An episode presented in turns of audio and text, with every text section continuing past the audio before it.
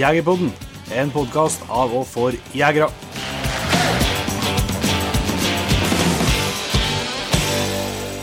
Hjertelig velkommen til en helt ny episode av Jegerpodden, Jon Ingevik. Du ser skjellhump skjellom blidspent ut, vil jeg si. Ja, vi, eh, vi driver og tester nytt lydutstyr. Ja, så Den observante lytter kan vil kanskje høre eh, forskjell.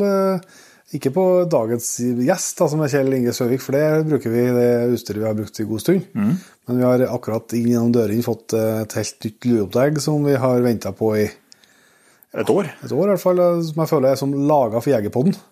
Så eh, kanskje øker kvaliteten ytterligere på lyden. Vi får i hvert fall tro det. Det skal i hvert fall bli behageligere for gjestene våre å være med. Yes. Og slippe å ha en mikrofon som de må forholde seg til rett opp i trynet. Yep. Så det er ansiktet, som heter på bokmål. da. på bokmålet.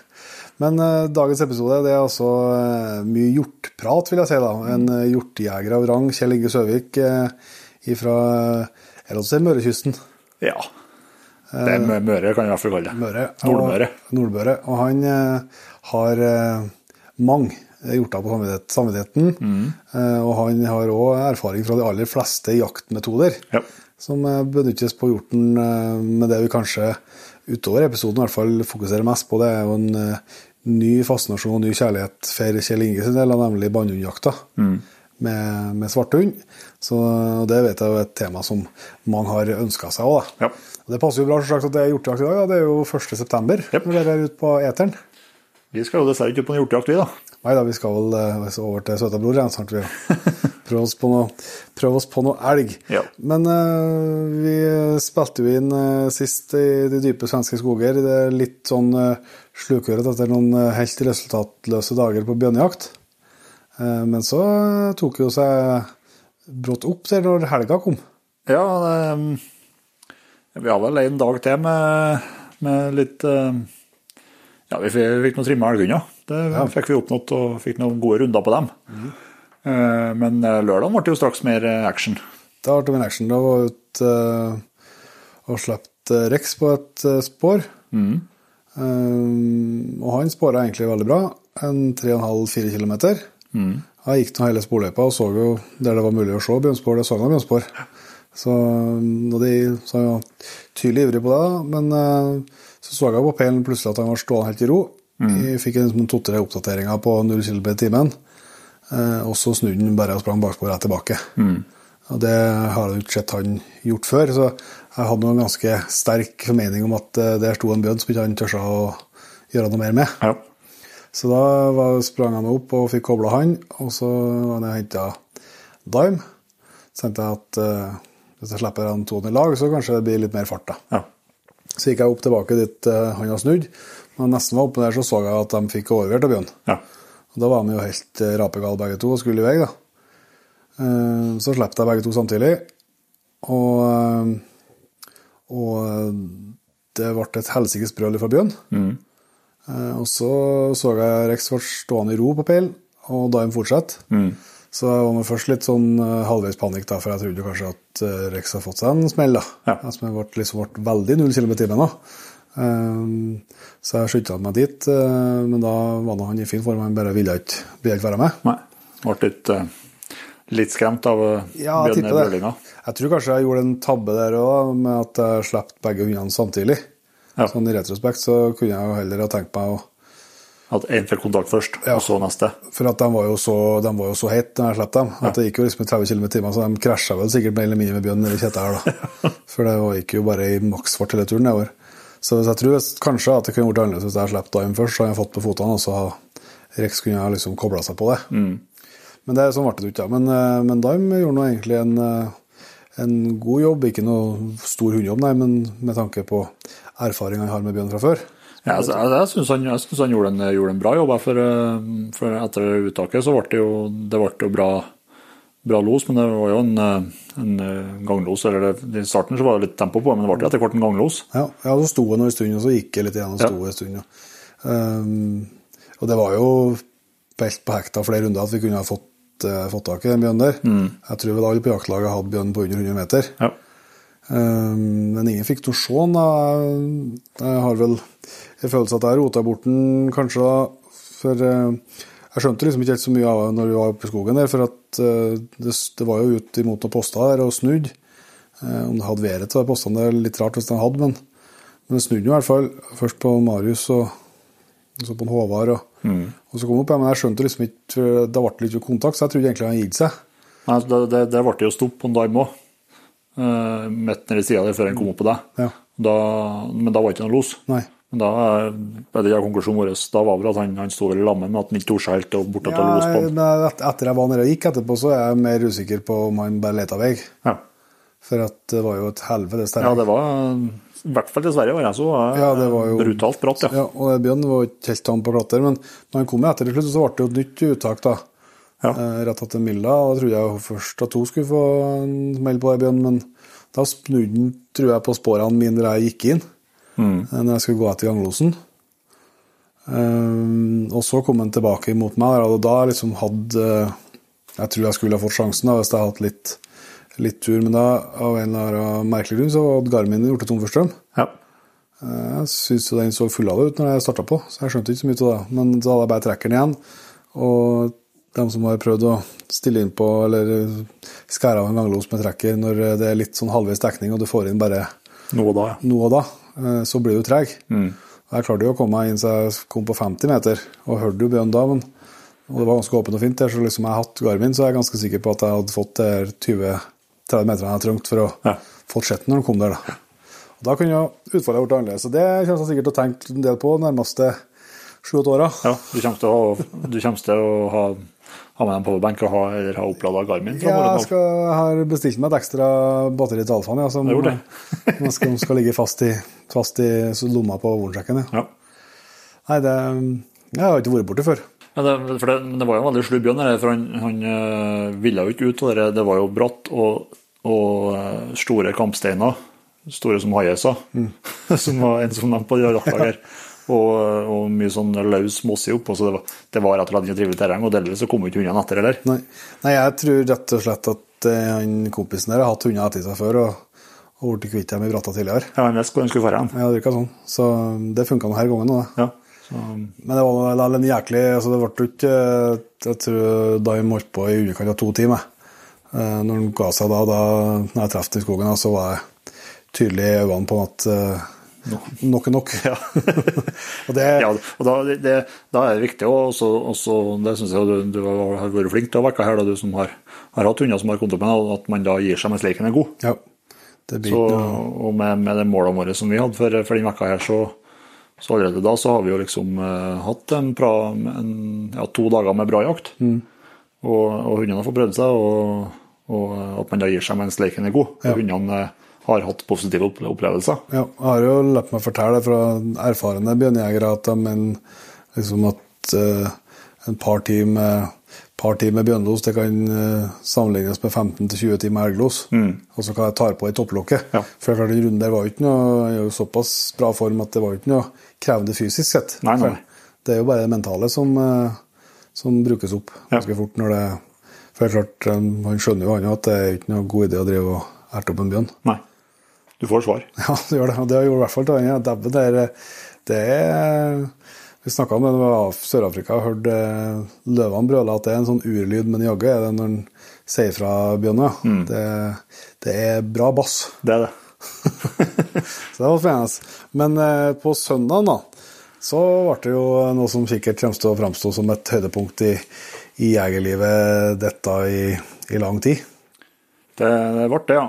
Jeg vet, jeg vet ikke hva, hva som gjorde det, men eh, vi følte vi har vært nært to dager. Og så eh, var jo brorsan, Jan Erik og Oryx og Jon Steinar var jo ferdig på drøs med bjørnejakta si den første uka. Og eh, kvotene var fylt av litt forskjellig sånn, så de kom til oss på lørdagskvelden. Ja. Eller lørdagsettermiddagen. Eh, Det vil jo da si at da har vi jo fått hunder med ører som henger i camp. Yep. Det var ikke minus. Det var ikke minus. så, eh, så og det resulterte til at, eh, til at vi fant spor på, på søndag nå. Det var en bjørnskitt der. Det var, og det var første gangen vi, vi prøvde oss på noe, på noe bjørnskitt òg. Ja, det var noe Det var ikke noe på hundene mine som tyda på at skulle ha gått en bjørn der eh, nærmest tida, nei. Men eh, Nei, altså det, det, er, det, er jo, det er jo forskjell på hundene, men, eh, men akkurat altså den, den sporingsjobben som ble tilbakelagt der, hundene til Steinar. Det, det er klart en spisshund kunne gjort samme jobben òg, men vår tror ikke jeg har, har takla det på samme Nei, Det, nei, det nei. vet jo alle, da. Nei, det er klart du kan ikke se aldri ved aldri, men, men ja, det er jo, det er jo Nå er han en godt voksen mann, da. Det er vel den eneste spisshunden jeg har sett, i hvert fall. Ja, ja. Som, jeg tenker jeg kunne ha takla en sånn, Mm. en sånn sporingsjobb. da. Ellers har ikke jeg hatt de spisshundene jeg har vært med, om det er på elg eller rovdyr, jeg har sett noen som hadde tatt den jobben der. altså Det er jo i mil med sporing, da. og la, langsettig, trafikkert cruisevei. ja, to, I to runder. Ja. Um, det er liksom uh, Ja, det er vanskelig å se for seg at det er mye spisshunder som, som løser den oppgaven, rett og slett. Ja, det, det var rett og slett imponerende. Og, og det var jo lang sporing òg til, til, til, Bjørn- til Bjørn å være. Og det sier litt om hvor mye de kan tusle i løpet av natta. Men uh, og til og med Jon Steinar begynte å mm, Nei, nå må jeg komme et uttak snart, ja. men, eh, men det gjorde det jo. Det, for den, underveis i sporinga så gikk vi inn på naboen. Og vi tok kontakt med dem og, og sa fra om at, uh, sa fra om at uh, nå, er det, nå har vi to hunder som sporer sporet etter bjørn, og at den innpå til dere. Så de eh, fikk nå gjerne beskjed om å være med og postere og, og, og Bu litt på det. Busa på det. Eh, Men underveis der så ble det jo et uttak. Det var artig, utenfor for en Jo Steinar Kleft, en plott, Bird, som han, som han skaffa seg nå i sommer. Mm. Den går jo som en plott eh, skal gjøre, går og støtter på sporet hele tida. Og så slipper han en Tringwalker som er taus på sporet, men som kun skjeller når han Skjer bjørn. ser bjørn. Og Da er det liksom ikke tvil når uttaket kommer. Nei. Det er når det blir rødt strek på begge hundene. så det ble uttak, ja. Og det, da snudde jeg jo retning fullstendig og kom rett tilbake til oss igjen. Eh, vi posterte ut, eller noen av oss posterte ut. I hvert fall jeg, Jon Steinar og Jan Erik og Ole Jeg Ivar. var på post da, og bare langt unna. Så, men eh, det, ble, ja, vi var noe, det var noe tilfelle ved at vi sto der vi sto, og at, eh, at du var litt lenger unna. da. Men det gikk nå i hvert fall, eh, det, var ikke, det var ikke noe, det var ikke noe stålås, men det, det kom noe sigende imot i, i fint drev. Og eh, etter hvert så kom vi inn på baksporet og, og i kraftlinjegat der. Um, Det, det gikk jo ikke bakspor veien, men nei, gikk ikke baksporet veien, men men så dere kryssa den der de har vært og spora på veien, ja, på den minste veien. Det kom jo akkurat i baksporet. yes. Så Og da førte baksporet et stykke der. Ja. Og så gikk han to igjen, og så skulle vel inn på baksporet igjen. Ja. Og det, og jeg, jeg sto jo på baksporet der jeg sto, sto der når hundene passerte først tur nå, Ja. og så akkurat hvor de kom hen. Ja. Uh, og for og sprang att og fram i kraftlinjen der, for at det var Jeg vet ikke hvor langt dekke jeg hadde jeg skulle dekke av i kraftlinjen der, men det var noe For langt veien, ja. for langt. Det ble, eh, det ble både melkesyre og andpusten. Uh, I hvert fall så skjønte jeg at ja, nå står jeg altfor langt unna, nå må jeg tilbake inn på baksporet. Eh, Begynne å springe, eh, og skal i utgangspunktet opp til, til der de kom først turen. Eh, Da har jeg, Sist turen jeg sjekka på inn, da, så har jeg ja, 354 meter til hundene. Mm. Og springer der, så og stopper opp og kikker opp igjen, og da hører jeg jo at her kommer jo et godstog gjennom planfeltet. Ja. Altså det var, det var pusting, og det var ja, ikke brøling, men det er sånn Jeg hørte det langt ut tenkte fy faen, nå kommer han her, ja. Dette blir det. Og, eh, og buer meg, gjør meg klar, eh, og spenner opp. Og så hører jeg at det kommer nærmere nærmere, og så blir jeg dønn stilt. Akkurat som det ble forrige gang jeg skjønte at den kom imot. Ja. Da hadde den snudd på vind, ja. Og så tenker jeg at eh, nå faen Nei, nå er vinden rett, nå skal du pinadø komme ut her. og så begynner jeg på igjen, vet du, og det, gjennom det plantefeltet, og de kommer ikke. noe. Det overrasker meg, at, de, at det er så mye bråk, dem. Ja, det virker nå litt sånn, men det, hvis vi diskuterte lyd, men det er jo som bærlige nå. Ja. At det En gang så kan det jo komme i ganske stor fart uten at du trenger å høre noe som helst. Ja. Og neste gang så høres det ut som du ser som et godstog kommer av skogen. Og det, er litt, så det virker litt eh, om det er individuelle forskjeller, om det er bare terrenget som lurer. lurer. Men det er klart, der, eh, Bjørn har jo den her eh, pesinga. Ja, ja den hørtes, ja. Ja. Så, um, men i hvert fall da, så, så kom jo um, så kom det godstoget kom ut, og ja, det hører vel på, jeg hadde jo heldigvis et GoPro på hodet, som gjør at jeg kan gå gjennom situasjonen gang på gang på gang, for den eh, var ikke den samme som jeg så for meg i hodet. Eh, for Bjørn kommer ut, og tror det smeller så fort det begynner i kikkerten der. Ja, det. For der står jeg klart. og i hvert fall, for at jeg skjønner jo at, at han, han kommer ikke på sida av meg, han kommer Rett på. rett på meg. Og den ja, kraftgata kunne være 30 meter, ja. ja, i maks, ja. Mm, 25-30. Så eh, kommer han ut, jeg smeller på en, en smell i fronten. Eh, Den tar litt lukt.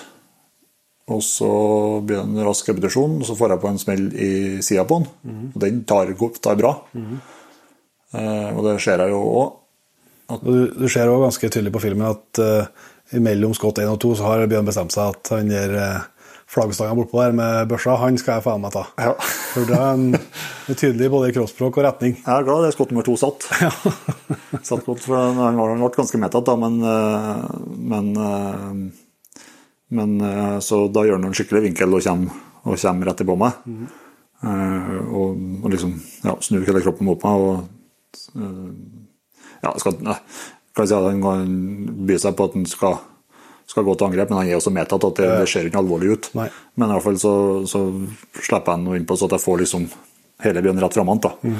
Og så setter jeg ei kul i, i hodet på den. Og det skjenger han om. Ja, helt Jeg får fortsatt så reiser hårene seg. Ja, det, det gjør det til meg òg. Eh, Helt magisk. ja, at, at, eh, Nei, det, det går ikke an å beskrive, for at det var Det var altså så sjukt, og så gikk det så fort. Ja. ja, så det gikk fort samtidig som det ikke gjorde det? Nei, ja, ja. For at du hadde jo en god stund på deg nede i kraftlinja her først. Ja, Og du hørte den jo, du var jo godt, det skjer noe i filmen, du var godt forberedt på at der kommer en. ja, ja. ja. For, hadde du liksom, hadde hadde du ikke hørt at den, den pesinga der i skogen Mm, Jeg har sprunget, sprunget videre. Ja. Da kunne jeg passert bakom ryggen på meg. Ja, ja, og så er det ikke sikkert at du har vunnet hvis ikke hatt børsa opp i skuldra. Nei. Så det er sikkert du har vunnet og fått, flik, så, den kommer jo flygende inn i kraftlinja. Ja, ja. Så det er ikke sikkert at du har vunnet og fått opp børsa og fått et godt avtrekk før du har igjen. absolutt ikke. Så det her er, det er mye, det er mye tilfeldigheter, ja. Men det, det, det som er så rart, vet du, det, det er i hvert fall sånn, en sånn ja, heftig situasjon. Da. Det er kanskje noe av det Jeg tror det er nok noe av det råeste jeg har gjort både med og uten klær på. eh, men så har du for deg hvordan det der var i hodet. sant? Det har vi snakket om før når du filmer. For jeg var helt sikker på at den første smellen, det er boksmell. Ja. At jeg tok den i bogen Ja, for du, du, du, du ymta frem på at det var rent sideskott førstskuddet. Ja, det var var det jo ikke. Nei, ikke. Og, eh, og du ser jo på filmen at det tar, det tar skrekkelig lokk, det første. Ja. Så eh, jeg tror ikke han ja. og Det var jo et, eh, det var jo et inngangshull helt i bunnen på, Bringa. på bringa, Ja. eller på brystkassa. Ja. Eh, Men det, så det er jo skott nummer to som virkelig tar. Og da ser du jo på filmen at eh, det renner blod ut av utgangshullet, og at det, det er en stjernetreff. Og når vi, når vi tok ut uh, vomma og innmaten, så var jo, var jo både lungene og hjertet har jo Fått det. fått det, så det var jo et bra- skudd, det. Men, eh, men det er rart, ja. Hvordan du ser for deg situasjonen i hodet, og så Ja, spesielt i hvordan som går fort. Ja. Det er jo, jeg hadde jo ikke kamera på en gang, men det er jo som den eh, det her hjortbukkene i Polen i januar, og det greier jeg ennå ikke å se for meg. Nei. Jeg ser for meg ett bilde, men resten så klarer jeg ikke å klare, fordi det gikk så jæklig fort. Ja, ja. Så det, det er jo da det er kjempeartig å ha de kameraene sånn for, for eh, sin egen del, og for, liksom, for å både ta vare på minnet, men også faktisk for å se og lære litt òg. ja. Nei, det var det er helt, helt sykt. Det, så jeg, er så hjertelig glad det, Du kan si at det er blodharry å stå og repetere med, med blazeren og stå og tørrtrene på å ta laske rallygrep, men dæven ta du har igjen for i sånn situasjon der, ja. Det Det er det som er, det er det som er drømmen. Jeg er glad for at jeg, hadde, at jeg tok med meg gamlebørsa og med litt tyngre kuler. Nei, Det er, er pussig, denne eh, bjørnejakta. Jeg må si det er noen år siden jeg har vært over på, på bjørnejakt sist. Men eh, det er liksom, det er jo det er mye leiting og mye venting og mye frustrasjon. Det kan jo være på mye jakt òg, men det blir så mye tomtid, da. Det, Og- det er jævla kjedelig. Ja, det er, Det er kjedelig jæklig kjedelig. Mye av det. Og likeens er sånn holdt på med åter og fylle på og rydda opp, og det er et jævla liv liksom for å gjøre alt rett og alt greit. Men samtidig så, når det er bjørn først er på fotene, Ja, er... så er jeg så Formel 1 at Ja, det er liksom det- helt vanskelig å beskrive. Altså. Da har jeg vært det. Ja, det er liksom alt, da blir alt det rotet glemt, liksom. For det er så jævlig spennende. er, Og så er det den, den uforutsigbarheten ja. til Bjørn liksom eh, Der han kan eh, en gang bare springe rett ut, og du har aldri noe mer kontakt. Og neste gang kan jeg bli bom stålos, og tredje gangen så kan jeg være tur som en harry. Det var jo også den, her, den som Daim holdt med, det ble jo Det har jo vært en fin uh, rådyrturing. Ja, ja, ja. Den reiv med. Så, det er, som, så det, det er så uforutsigbart. Ja. Uh, Jæklig spennende, altså. Ja, det er det. Og Nei, det er, det er dørgende kjedelig når det ikke er noe action, når det ikke er noe bjørn på fotene. Og så er det så det, ja, det er ikke noe annet smartere. Nei, det er helt, helt magisk. Så nei, det er helt, eh, helt enormt. Og så eh, var vi jo heldige at, eh, at det var på film, og forholdsvis heldig med situasjonen. Så det er, det er jo noe som noen kan glede seg på. Ja, det kommer ut noe greier. Jon Steinar skal få, få bruke kløppa. Han er jo langt flinkere og mer erfaring med jaktfilmer enn oss. Mm. Men vi har nå investert i noe kameragreier for høsten, så vi har en plan om å prøve å filme litt mer enn hva vi har gjort. i hvert fall. Ja. Og så er det ikke noen store ambisjoner er at vi har lyst til å prøve å sette opp noe kanskje mot jul som en slags julegave til, til Patriens. Og Stemmer. vi har i hvert fall ett klipp nå, så får vi se om vi får dratt til et klipp eller to til på en annen jakt i løpet av, eh, løpet av måneden som står foran oss. da. Det er bare, det er bare å advare mot Det er mye pusting og mye stønning fra, fra unge Ervik. Ja, så du må, du må være sikker på at ikke bare hører lyden, for da tror jeg du ser en helt annen film. en jaktfilm. så det, ja, det, det var en, en kjempedag, rett og slett. Og eneste jeg hadde håpa vi skulle få oppleve, det var jo det, Han har jo, har jo vært gjest i Jegerpodden før, du nevnte broren din, Jan Erik. eh, Og da var jo et av de store temaene den gangen var jo Oryx. Mm. Eh, Jentun han som har vært, og er, da, en helt spesiell hund, spesielt når det kommer til rovdyr. Mm.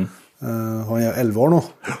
Og eh, hadde Det har liksom Nå får jeg i vært hvert fall frysninger. Det har liksom vært eh, Det var så jævlig synd at ikke skulle få opp den bjørnen på, på søndagen. sist- ja, mandagen, ja. ja. mandagen, ja. Han fikk vel kanskje Ja, det var kontakt med bjørnen, det kan godt hende, men at det ble ikke noe, noe jaktsituasjon ut av det. Nei. Uh, men det er liksom Det føltes egentlig som det sto skrevet i stjernene, at det skulle At det skulle skje, ja. ja. Så det var litt uh, Jeg skår i gleden, var ikke for det har vært en sinnssyk bonus. Men det er liksom det, um, Jeg må jo si det, selv om altså, Oryx har aldri vært min hund, men har hatt litt med å gjort og fått gleden av å være med på jakt en del.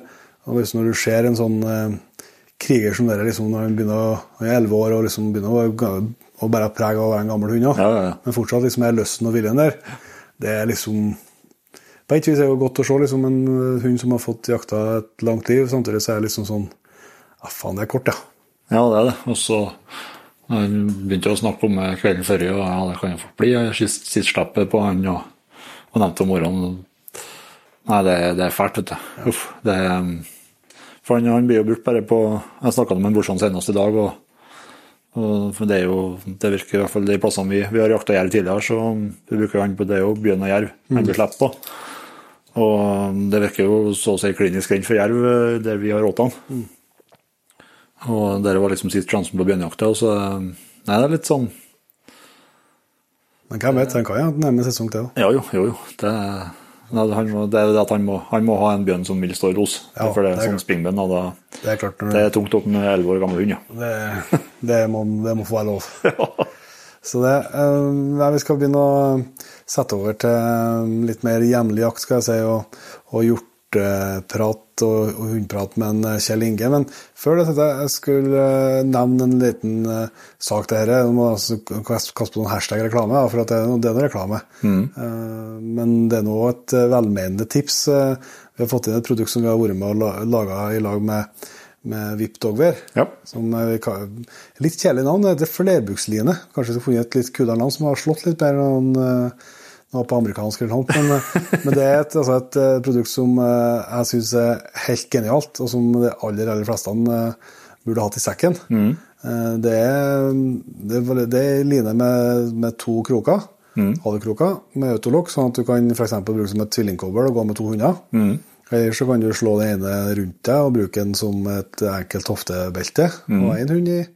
Eller så kan du koble på flere og, og sette på en elg og dra fram en elg med. Eh, og det er litt et sånt produkt som det er bare fantasi at setter begrensninger, egentlig. Hva du kan, hva du kan bruke til, Ja. og i hvilke situasjoner du kan ha bruk for det.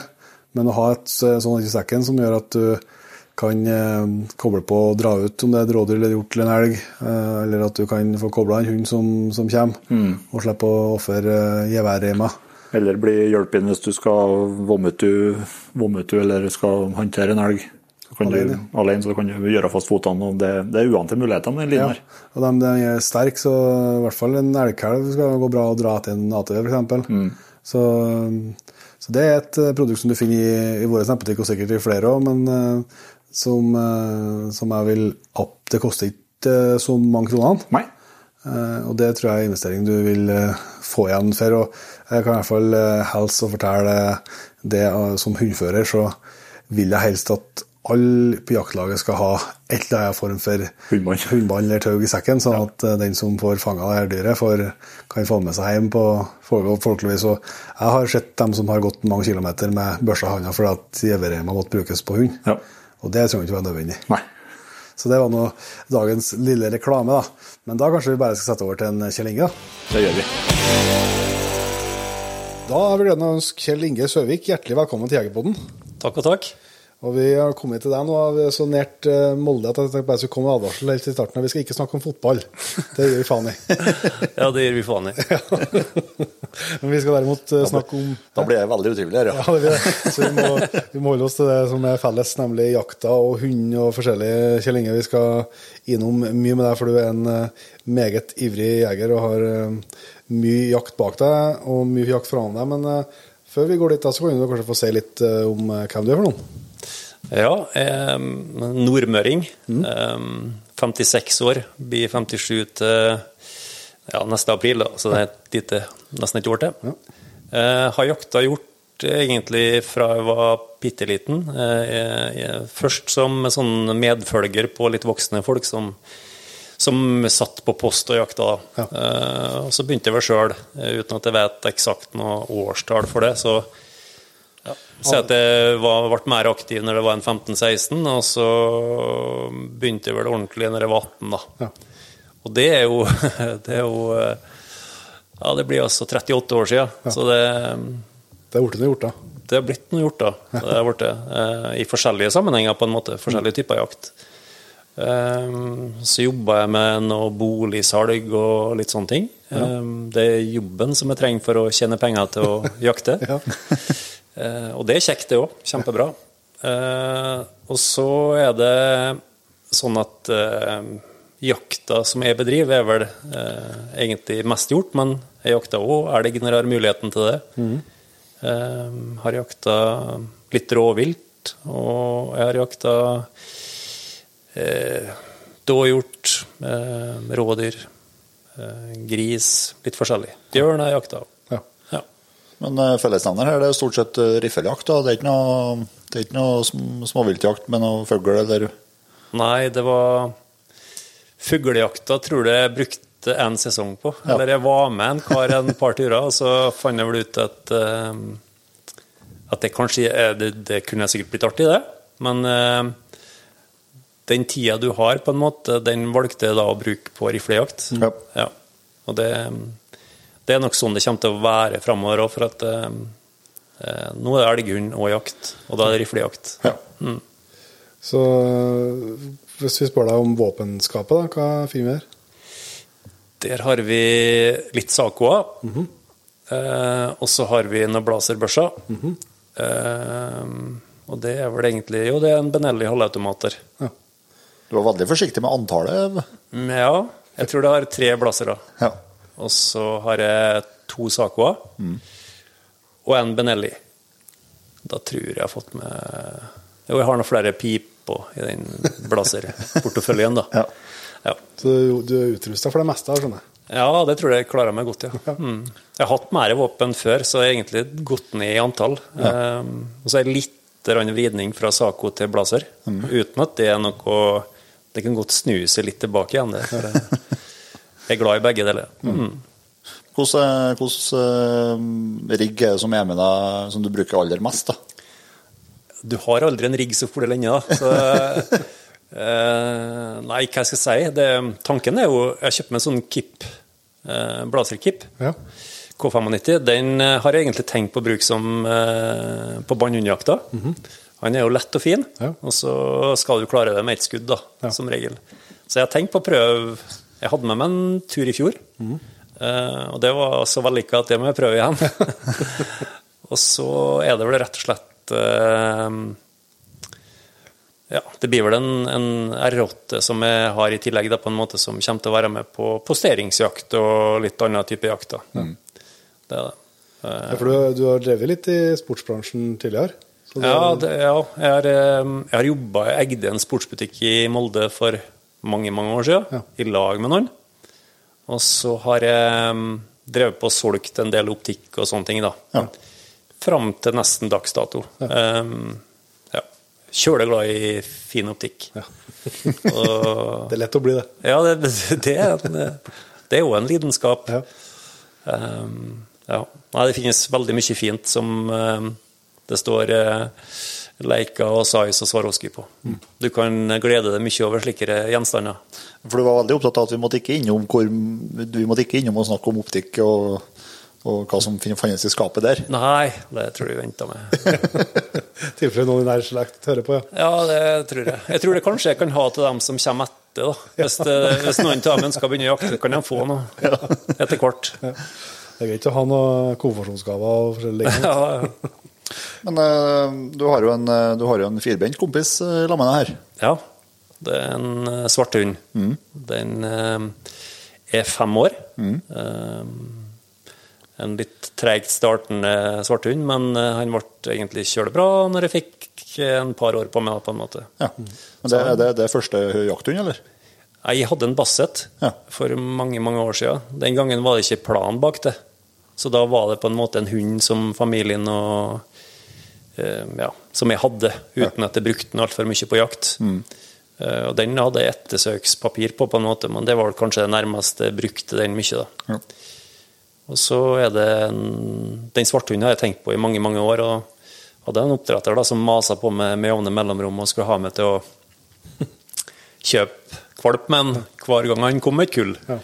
Men eh, det, jeg utsatte det, utsatte det, og så til slutt altså, så kom jeg plutselig på at nå er det på tide. Ja. Da var det Og da har vi brukt den for å Ja, i hjortejaktsammenheng, da. Ja. Jeg trengte ei omveltning òg.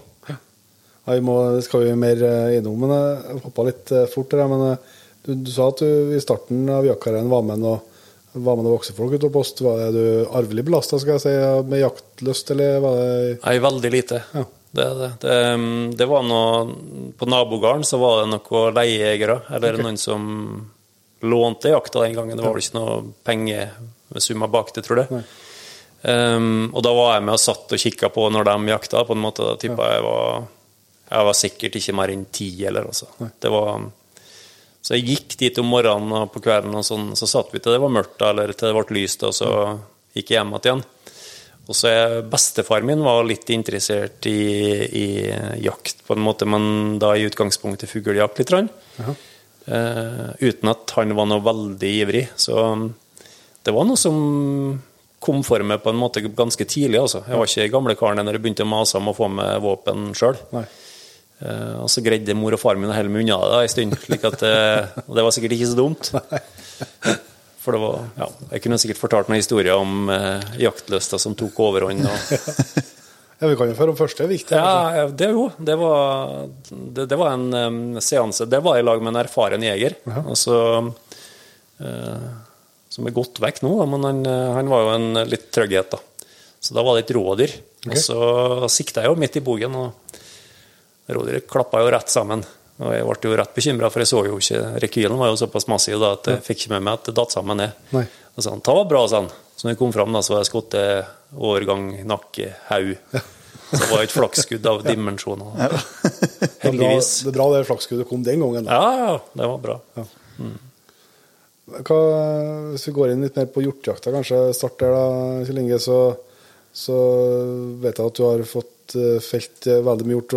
Det er jo et område med mye hjort der, men jeg forstår litt sånn når du starta på, så var det òg veldig bra tilgang. altså Det var ikke så mange som jakta den, eller?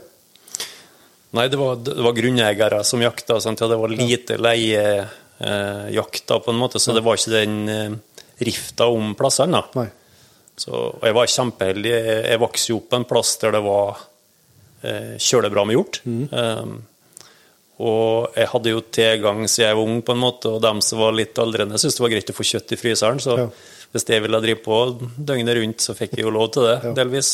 Og da, og da gjorde du det? Ja, da, jo, det gjorde jeg altså. Jeg var kjølig ivrig. Jeg husker kanskje første gangen det var eh, Jeg fikk muligheten sjøl, da. De var reist på noen gammeland, særlig den eldre garden. Da. da så jeg mitt snitt, da, vet du, og da, skulle, da ble det lering til slakting part, eller flåing. da. Ja. Og det var jo Nei, det var en, det var en heftig kveld og natt. Husker de kom ned og skulle kikke på meg, og da da sto jeg med tredje hjorten, da, og det var jo gjort etter dem, det da, delvis. Ja. Så det var jo Nei, det var, da lærte vi den, den harde måten, på en måte. Det var relativt revent på flå etterpå, ja. Ja, det, du, det er bratt læringskurve, men det funker jo, da. Det funka fjell. Ja. Det, det, var bare bra. Vi skal snakke om hundejakta, at vet jeg du bruker mye tid på nå, men eh, sånn eh, fra starten av utover, da, var det da mye smygjakt og, og postering, liksom, eller? Nei, jeg må innrømme eh, de første 15 åra så tror jeg kanskje at det var skumringsjakt, på en måte. Ja. Eh, og det er vel en del av den jakta som i dag blir praktisert i vårt område mye òg. Ja. At du setter ned på en post, og så kommer dyra trekkende inn på, på beite på en måte på, ja. når det skumres. Og så skyter de hjort veldig ryddig og greit å gjøre det sånn, mm. men men det har nok blitt en endring på en måte der mer og mer går på smygjakt. Og, og, nå er jo den eh, enslige smygjakta endra til å bli ei bannhundjakt på en måte med en, med en svarthund. Mm. Altså, det er jo som du sier, det er jo fortsatt uh, mye brukt uh, jaktform selvsagt, med, med bøjakt eller postering sånn. Da. Hva, har du, gjorde du erfaringer som gjør at det er lettere å lykkes på den jakta, eller? Nei, det, det tar jeg for det enkelt. Det er antall timer ute. Tålmodighet? At, ja, tålmodighet, ja. Og spesielt det på, på den bøjakta. Der er det jo tålmodighet. Du skal jo fryse, og du skal være trøtt og klar og litt sånne ting. Um, så det er jo den som er råest å sitte, det som skyter mest på bøjakta. Ja. Det er ikke tvil om. Og så klart, hvis du har gode terreng å sitte i da, i tillegg, og, legge, Du må selvfølgelig ta hensyn på vind og slike ting, da, at ja. du sitter rett. Og, men um, Bøjakta er bonusert med at du, hvis du er tålmodig, så får du vilt. Ja. Um, har dere mye sånne buer som dere setter inn, eller? Det er vel en eh, vei det har gått, på en måte. Det har blitt ja. mer og mer bue. Ja. Um, og dem som syns det er kjekt, på en måte, dem er jo, Vi er jo helt avhengig av det. Skal vi greie å felle de dyra som kvoten tilsier at du bør ta ut, på en måte, så, så må det til. Um, du vinner ikke på i skogen, nei? Nei, det skulle jeg skjøte alle de hjortene jeg trengte på en måte ved å, å gå og smyge i skogen, eh, så hadde jeg blitt dårlig. Ja. Men når du setter buen, da, er det, er det like viktig med, med vind da, eller den, vil den kamuflere noe av, av, lukta, eller får de med seg at det sitter noen der? Det er nok mange buer som, som, folk tror de kan sitte i uten at det er støkker noe dyr. Ja. Men det er sjøl sett på en måte at du skal bygge den ganske bra for at hun skal være helt tett. Ja. Mm. Så um, all erfaring tilsier det at står hun dårlig plassert i forhold til det med normal vær og vind, mm. så blir det kanskje lite dyr på den plassen da, eh, når du sitter. Mm. Så det er vel jeg tenkt på på en måte. Jeg ser varianter med vindsperreduk på innsida og sånne ting, og det er nok helt relevant å ha mm. for å være sikker på at du får lov å sitte der da på en måte og kunne felle den hjorten som du har planer om å felle. Ja. Mm. Hva, hva, hvilket tidspunkt er det som er du har brukt når du har vært med mer den jakta der, da, hva, er du ute akkurat når det begynner å bli mørkt, skal jeg si, eller, å sette seg tidlig, eller fordel å sette seg tidligere liksom, og vente på, vente på mørket? Eh, ja, jeg ville ha sittet tidligere, på en måte. Ja. Det er jo over sånn at når vi jakter på en måte på bøen, så, så, er det mange som venter til 11 for å gå ut. da, For ja. de vet at hjorten kommer ned klokka 12, f.eks. Ja. Men uh, der er det liksom på en måte en annen tankesett. da. Jeg tenkte at hvis jeg kan skyte den hjorten jeg skal skyte, før klokka 11, og helst klokka 9, ja. så er jeg ferdig å partere eller ferdig å flå når klokka 11. Da kan jeg gå og legge meg. Jeg kommet dit, og så er jeg på en måte tapt meg i forhold til det med stayerevne. Men det er ofte òg sånn at uh, på gode plasser så kommer det noe gjort nedpå tidlig kan gjøre òg. Ja. Og hvis du da er førstemann ut, på en måte, så ja. Får du den sjansen, ja. Men det er klart, uh, den beste tida er nok kanskje mellom 11 og 3, da. Ja. For, for, men, men, da er det avhengig av å ha noenlunde bra vær og klårvær, og, og at, ja. ikke, at, at, det er lyst nok til å skjøte? Ja, ja. Det er jo eh, ikke nødvendigvis helt full måned, Nei. men, eh, men måneskinn på det viset at du f.eks. med et skydekke framfor, det er jo nesten det som gir best og mm, Ja. finest forhold for å skyte òg. Så av og til så sitter du og så er det knallflott måneskinn, og så ser du dyra litt dårlig. Så plutselig så kommer det en litt inn eh, dis på, på en måte, og så da blir kontrasten bedre. Jeg vet ikke hvorfor det er sånn, men av og til så syns jeg at eh, nå ble det perfekt, liksom. Og for ikke snakke om snø. Sånn, Da kommer det et snødekke, så trenger du jo ikke måne i hele tatt. Nei. Det er jo nesten, vil jeg påstå, noe av det bedre du kan Det blir jo så stilt òg, Ja. så du slipper å være redd for å lage støy sjøl. Ja. Men det må være ganske sjelden oppe her, eller at det kommer, kommer snø i Ja, det, kan, det varierer jo selvfølgelig, men jeg ser at vi har ofte snø en periode eller to i løpet av jakta. Løpet av høsten, ja. Og, ja, mm. og, og, og vi har vel de siste par årene så har vi hatt snø nesten hvert år, tror jeg. I lengre perioder òg, så det Nei, det skjer. Ja. Det, Sjøl ute med kysten her så er det ikke uvanlig lenger, nei. Men, eh, men jeg vil ikke eh, altså Når blir hardt, jakta så hardt på år etter år, vil ikke etter hvert lære seg at eh, at, eh, at den ikke går ned på bøen når det er, Jo, når det er for lyst? Jo, det, den store hjorten vil jo passe på at den er i skumringskanten eller i, i, i, i kanten der så skyggen er. ja. Um, og det vil nok òg være sånn at hvis du jakter veldig hardt på en stamme, så kan du oppleve det at, at den hjorten blir skyere. Kommer seinere, for å si det sånn. Jeg har hørt mange historier om at de sier at nei, det er ikke vits å gå inn på og sette seg på post nå, for de kommer seint. Så at de kommer fire, da, på en måte. Og det kan jo være en, at de har funnet ut at da er det stillest, eller det blir minst melding. og uten at jeg vet så mye om det. Men jeg tror nok hjorten er såpass lederkolle og vet å justere seg òg. Det er jeg helt sikker på. Ja. Ja, for når du sier da, da, da snakker du om voksne koller og bukker, som gjerne at det er mer fjorddyrene og litt sånn som kommer trekkene lenger utpå. Ja, ja. Fjorddyret kan jo komme når du er i skogen, og de kan jo være nysgjerrig. Kan ja. komme, hvis de ser at noe beveger seg, så kan plutselig så er de på vei mot det. Sant? Ja, så Ja. får de helt innpå det. Og det er jo litt samme med i skumringa, på en måte. det. Ja. De er nok uerfarne og litt mer dum, da, på en måte. Ja. Det er smygjakta da bedrev da før eh, Eller det gjør sikkert det enda litt, da, men, altså, men mer med hund. Da, men når du er uten hund eh, Det er jo ganske mye motbakker å finne her òg. Er det, er det liksom Får dere opp på fjellet og jakter dere nedover, eller starter dere på herifra? Det jo, ser jo ganske tett ut oppi kantene her. Ja, det, det er klart at det er litt av utfordringa på en måte. Hvis du er alene, så vil det jo være muligheten til å gå enda roligere enn hva med hund. Ja. Så når jeg har med hunden, på en måte, så prøver jeg nå på en måte å gå litt sånn taktisk i forhold til å kunne bruke terrenget slik at jeg kan komme meg fram med mest mulig å være lydløs. da. ja. Og inni et plantefelt går jeg aldri med en hund, i hvert fall, for å si det sånn. For det, det er bare å rote vekk eh, all hjorten. Da forsvinner de mest sannsynlig. Så det blir noen litt sånne valg du gjør, på en måte. Og så er det sånn at eh, på morgenen så eh, går vindretninga opp eller ned sant, til morgen og kveld. Mm. Og det- er fordel å stille seg i en sånn situasjon. Og hvis det er elv da som går midt gjennom terrenget, så kan du gå opp attmed den. da ja. eh, opp om, på morgenskvisten. Eh, For da vil jo gjerne lukta di forsvinne ned i lag med elva. Og så når du kommer oppi, da, så kan du finne ut hvor vinden går hen, på en måte, og prøve å justere det etter det. Og gå og smyge på det. Så lokalkunnskap eh, for smygejakta her, da, det, er- det er ikke noe minus. Nei, jeg har hørt historier om at uh, det er aldri stabil vind oppi Indernamdalen. Eh, Men her er det i hvert fall aldri stabil vind, for å si det sånn. Så du opplever nå at du får nakketrekk mange ganger per dag, da. Ja. Og det er jo klart at det er jo ikke noe kjekt det når en går med på overvær med en hund, så vet en jo at da støkker en terrenget i noen tilfeller. Da. Men eh, sånn er det nå. Ja.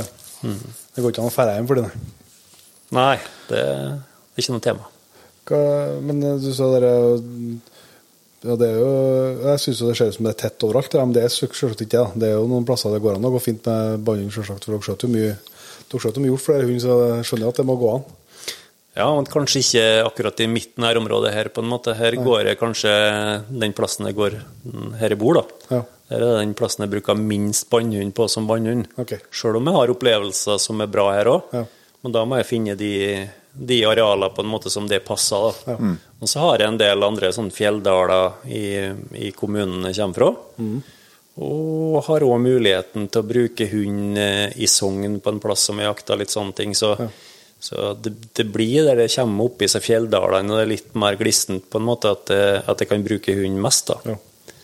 Og fantastisk å få lov å komme på plasser der det er ja, litt sånn spredt furuskog og litt sånn myrete og sånne ting. Eh, Det er vel på agendaen det å prøve å finne terreng som kan passe bedre for bannhund. Ja. Hva er det mye drivjakt dere gjør her, da? Nei, her er det kjøler mye postering, Ja. eh, og så bruker jeg Fjelldalen ovenfor oss her på en måte der jeg ligger og spotter på en måte. Ja. Der eh, kan hunden òg gjøre sin nytte da, på en måte. Han er ofte med og har, har mye filmmateriell der han ligger og markerer at det er noe der inni. Ja. Og så beveger jeg meg dit, og så er det, er det dyr han har hatt i nesen. Da. Mm. da blir det jo sånn at du prøver å komme deg så nærme du klarer, på en måte, og så skyter han f.eks. opp i ei side eller noe. Ja. Eh, vurdere om det er bra nok, på en måte, og om det er rett dyr og sånne ting. Men, eh, så det er den jakta han er med på her, på en måte som fungerer best, egentlig. Ja. Eh, og så har jeg hatt noen opplevelser i lag med, med svarthund på en måte som der han har fiksa biffen på en måte og gitt meg en hjort omtrent på sølvfat, altså. Det, det er det som er konge. Det er det som er artigst. ja, det skjønner jeg. Det, det er jo veldig mye fine bukker omkring oss eh, her. eh, Og i garasjen tror jeg at det var ganske eh, tett mellom dem. Så er det, er det på brødjakt noe av, eller er det på postering og litt forskjellig? Det er alle ting, hva jeg tenker på å si. Jeg har skutt, skutt hjort på Smyg, mm. stor bukk. Og jeg har skutt hjort på Innmarka, som er fin. Og jeg har skutt for hund på overvær og på post. Og jeg har skutt på at jeg sjøl sniker på brølinga, på en måte. Eh, og hun kan jo være med da òg, men eh, ja, han blir brukt i alle sammenhenger på en måte om, om jeg har en rett tilfelle for å smyge meg inn på en brølebukk, og vinner ikke er perfekt, så smyger vi i lag lell. Ja. Ja. Det er brødlig, altså, du sier smyg på brølinga, Du driver ikke, å- du ikke å brøle tilbake og, og den, skal jeg si. Jeg er sånn for dårlig på å ta de greiene der. For det, jeg, jeg har nok fått til det òg, på en måte, men det, eh, det er nå gjerne slik på en måte at når du når det er så intens brøling, da, på en måte, og du kommer innpå, så blir på en måte opplevelsen for meg eh, nesten like rå. Ja. At du smyger det innpå sjøl og, Ja. og kommer til skudd, på en måte. Det, ja. Det er, det er bra brøljakt her. Omkring Ja, liksom- det, det er bedre nå enn hva det var for noen år siden. Okay. Og så var det vel òg kanskje enda bedre for mange, mange år siden. Ja. Så det er litt sånn litt den forvaltninga som har vært gjort, på en måte, og den utviklinga som, som er skjedd, Ja. er jo fullt positiv, da, på en måte. Vi, vi skjøt for mye bukk generelt sett i en periode i hele fylket vår. Mhm. Ja. Og så forsvant brølinga på enkelte plasser. Det er jo kjempetrist. Og så har vi bygd opp igjen stammen gjennom det at eh, noen kloke hauger har funnet ut at vi skal ha en lavere tildeling på voksen bukk. Ja. Og nå brøler det litt mer på flere plasser. Ja. Så, Så vi har rett- mange bra brølområder i nærheten av oss her. Så nå er det på rett spor igjen, liksom. ja. Absolutt. Ja, vi har snakket litt om det, det for det, det var vi inne på tidligere her, også at dere var, dere var ned på 10, 10 avslutning bare av, eh, av bok. På enkelte plasser i kommunen vår så er det 10% som praktiseres. Ja. Eh, akkurat her jeg bor, så er det vel 15 eller noe, tror jeg, som er utgangspunktet. Ja. Eh, men generelt sett så er det lavere. Før tror jeg det var ganske vanlig med 20% omtrent all over. Ja. Det er klart det blir et vesentlig antall bukker mindre ut Ja. av det.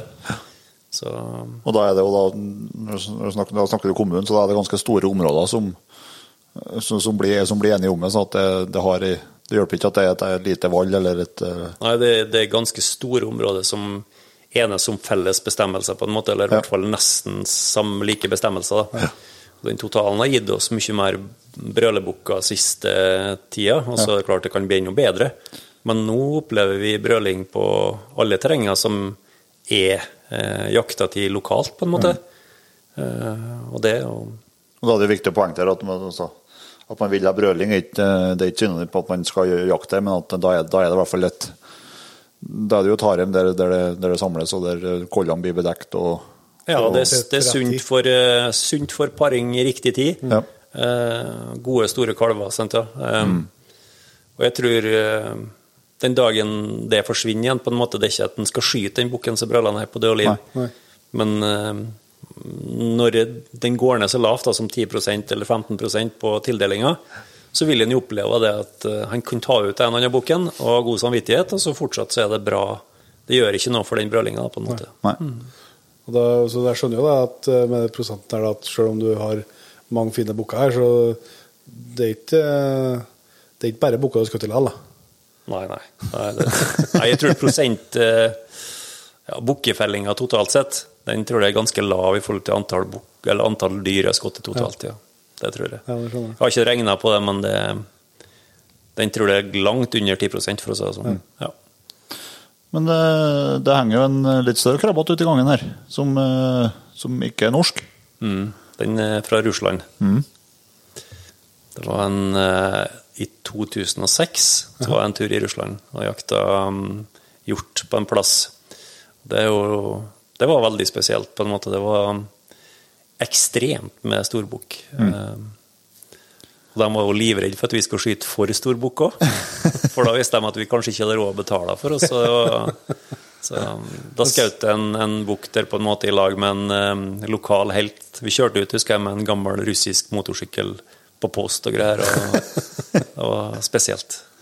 Det var, det- var en fin jakt, liksom? Eller var hvordan Ja, det var, det, var, det var kjempespennende. Så vi gikk i skogen. Det var, det var jo helt pannekakeflatt på en måte. og kjøre det komfortabelt å gå der. Det var ikke noe fare for at du stykka så får du mye der. Men, eh, og jeg, jeg tror det aldri Jeg har aldri sett slike mengder bukkemengder som vi gjorde der. Det var helt ekstremt. Ja, Du så, så mange, liksom? Det var ikke bare Å ja, nei, jeg så, så kanskje 100 bukker. Ja.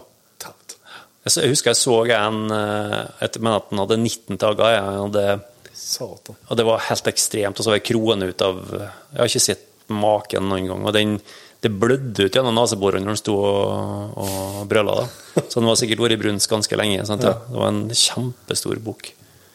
Og når jeg lurte på om det var greit å skyte den, så, fikk jeg blankt nei. og det var kanskje like bra, for den var sikkert blitt fryktelig dyr. Ja, måtte betale på den der, kanskje. Ja, det tror jeg.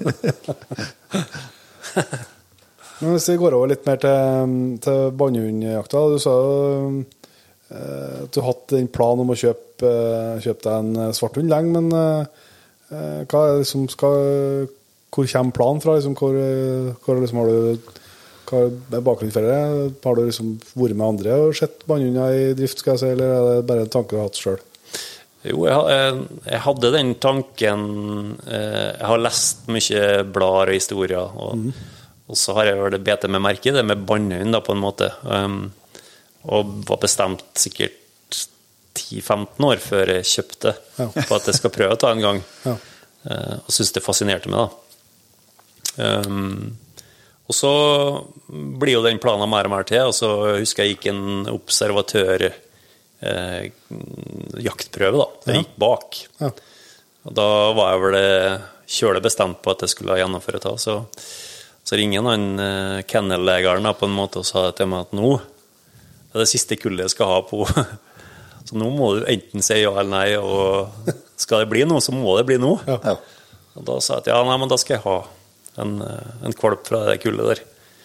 Og mm, det var jo på en måte ja, Jeg kunne sikkert eh, lest meg litt mer opp og leta tak i en kvalp som hadde kanskje mer riktig form og fasong og størrelse og litt sånne ting, men eh, jeg endte opp med den kvalpen jeg, jeg sa at jeg ville ha, så, så da er jeg fornøyd, det på en måte. Um, han ble litt stor og litt sånne ting, men det ble en bra jakthund. Uh, han uh, har absolutt sine kvaliteter på jakt. Han, han er med meg stort sett på alt av Han er med på alt nesten hver eneste dag ellers òg. Men han, når, de, når vi jakter, så jakter vi stort sett bestandig i lag. ja. Hva, du, du, du, du sa i starten her, at han kom, kom sent, men godt. Nær sagt, eh, ta oss litt gjennom eh, første tida. Det er jo den første hunden du har tatt, tatt fram, eh, du har tatt fram. eh, hva, når starta du liksom å begynne å prøve den på presentert for hjort og, og ta med i skogen sånn, liksom? Det gjorde jeg sikkert sånn som alle andre. Litt for tidlig, på en måte. Eh, Men kanskje ikke så mye i skogen. Da satt jeg vel kanskje på innmarka og lot den få lov å se på. Ja. Uh, og så syntes den det ble kjedelig etter en stund.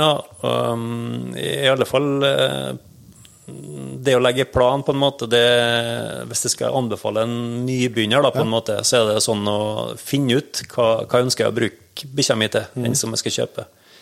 Og legge en plan som det er mulig å forskyve litt på.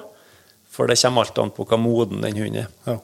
Og hunden som jeg fikk tak i, han eh, var ikke sånn kjempetidlig moden. Nei. Så når en del kullsøstre hadde fått sine første premier på jaktprøver og sånne ting, så var fortsatt ikke han Tasten, som han het. Han var eh, ikke nødvendigvis helt på nett for å være klar for det samme. da. Nei. Så jeg tror han ble en 22-23 måneder før jeg begynte å se tendenser i skogen, da, på en måte på at han eh, gjorde mye rette ting. da, Og hadde stayerevne. At han var med med hele prøven Ja, for han- for han, uten var, han var interessert tidligere òg, men bare ikke, Ja, hadde ikke, nok, eh, ikke lang nok konsentrasjonsevne, liksom. Nei, det ble kjedelig, og så ble det noe rulling og noe kvistspising og litt sånne ting. Så det var, det var, det var fo- fokuset som mangla.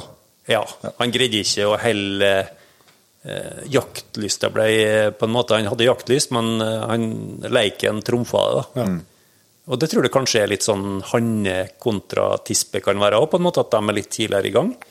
Um, og så ble det jo sånn på en måte at da tok han noen bikkja under armen og så gikk jeg hjem. For at jeg tenkte at det her går jo ikke an. Blir jo ikke noe gjort på dette viset her. Nei. Så da fikk han fortsette å leke seg, da. Noen, en måned til. Og så var det liksom sånn jeg prøvde noe til igjen og til igjen. Og så når han ble en par og tjue måneder, så så jeg at nå skjer det ting. Ja. Nå har han på en måte gjennomføringsevnen og litt sånne ting. Så da Jeg tror han var 26 måneder da jeg meldte han opp eh, til første jaktprøven. Da tok han, alle, tok han fire jaktprøver på en måned, Ja. og fire førstepremier. Så um, Det gikk ganske radis under, da. ja, da Men han var egentlig utrolig eh, Og da var han jo ikke skottedyr for han ennå. Så, så sånn sett så var han jo enda mer perfekt i, i, i skogen da, på en måte. Ja. Jeg måtte ta han ned litt, for at jeg sjøl var jo ikke utlært når jeg starta på det løpet. Nei, nei, nei. Så jeg måtte liksom justere både meg sjøl og med bikkja litt. da, på en måte. Så i løpet av de jaktprøvene så ble nok de to siste de beste, da, på en måte. Ja. Ja, for at eh, det, det er jo at Dere ble, dere ble bedre i lag, liksom. ja. Ja. Vi fant ut av ting, for å si det sånn. Ja. Eh, og så er det ingen eh, Det er ikke noe stress. Eh, har du en hund som er umoden, på en måte, så er det ingen hensikt å prøve å oppnå å få en jakthund ferdig på et år, liksom. Nei. Du tar den tida som trengs, og så Det har jeg lært på en måte at det, det må bare gå den tida det går. Så vil noen være kjempemoden tidlig, selvfølgelig, og da er det jo helt rett å gå en jaktprøve med den. Ja. Eller med den hunden som eventuelt er, er tidlig moden. Mm. Så det er mange eksempler på det. Så, men jeg tror at det ble helt uh, supert, det. At det tok meg tida til å gi bikkja tida og, og bli litt mer moden, gjorde bare at den er blitt bedre når jeg har den med meg på jakt. Mm. Ja. Men uh, han har, du har gått, den er godkjent ettersøkshund, og så du har gått blodspor og Ja, altså Jeg gikk et blodspor før jeg gikk til jaktprøvene, som jeg fikk sånn at den var godkjent til det i forkant av jaktprøvene. Ja. Og så, når jeg var ferdig med jaktprøver, på en måte så det liksom på våren så må du ha noe å, sysle med, da, noe som kan engasjere hunden òg. Så da gikk jeg litt blodspor på egen eh, basis, for jeg tenkte på selv, la noen treningsspor og gikk dem. Og lot det bli en ting som vi hadde som mål, da. Å komme oss eh, til et blodsporsjampionat, og så fikk vi noe til det. Uh, og så har vi begynt på noe sånn EK-sporopplegg nå, på en måte. Så, og det er noe bra på, men den kan være ja, Det er ikke alle dager som er like god, da. Nei. Nei, sånn er det ser. Ja. Både hund og folk, ja. Eh, Men uh, jeg tenkte på litt hvordan, uh, har han, Du sa at han var umoden, og litt sånn, men har han vært sånn rolig på en måte i bandet og, og stille sånn hele tida, eller er det noe, noe han må jobbe med, eller? Ja, det må han jobbe med. Uh, tassen var ikke 100 stille, nei. Nei. Det kunne springe over dyr framfor oss, og han laga litt lyd på, en, på et tidlig stadium. Så det er noe bare å starte litt på avstand, og så sitte og se på dyr, og så gå litt nærmere. Sånn som alle blir anbefalt å gjøre, da. Eh, og når den modenheten i hodet kom, så kom jo òg den, den evnen der, da. Ja. Da ble han jo mye, mye bedre, han, til å løse de situasjonene. Ja. Den her med å bare trekke i båndet og sånt, da har den Bit, eh, han er Det er jo en ganske røslig eh, svarthund, så Han kan jo, han kan jo dra litt av han. Ja, han gjør det. Han, eh, hvis han skal finne noe svakhet, så er det akkurat det at han at han er litt hard i båndet okay. på innpåstilling. Og det er liksom fra han får overåret eh, og de neste par 300 meter inn til dyret, da, på en måte, så kan det gå Da må jeg bremse, ja, Ja. i mange tilfeller. Og det kan òg være for at jeg sjøl felte mye dyr for den første året. Ja.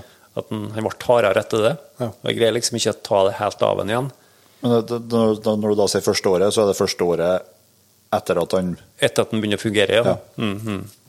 Altså to år Ja. fram til den var tre, da, på en måte. Da, da skjedde ting, på en måte, for det er klart, når jeg ruser fram til et dyr som er påskutt, og han får lov å bli med på det, Ja. Så blir jo han vant til at det er slik det skal foregå, ja. Ja. Uh, og det er jo en sånn triks, da, på en måte. Sett dere ned i lag med hunden når de får muligheten for ei felling, og de, og de har skutt på et dyr som ligger. Sett dere ned og ta det helt med ro og skryt av hunden, og spis litt, gjerne litt mat før de går fram. Ja.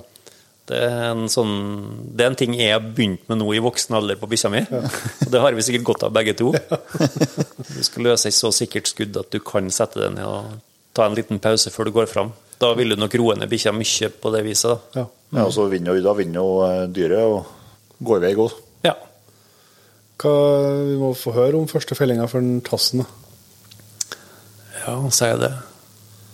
Mm, mm, mm. Jeg kan si ei, ei historie, i hvert fall. Det var mm, Da hadde vi starta jaktåret som var starten på hele greia, på en måte. Og vi har, satt, vi har gått opp i en dal om oss her Okay i eh, tre timer. Satt og spist litt, og det var lite å skryte oss av. Det var ikke noe som skjedde, jeg hadde ingen årvær som markerte noen verdens ting. Og så tenkte jeg at nei, da går jeg litt lavere i terrenget, og bevega meg ned over en kant. da på en måte, og Med samme kommer over den kanten, så ser jeg at hun mm, markerer at det er noe. Så kommer vi ti høydemeter lavere, så går han opp på bakføttene. Og så går han framover omtrent som et menneske da, på bakføttene.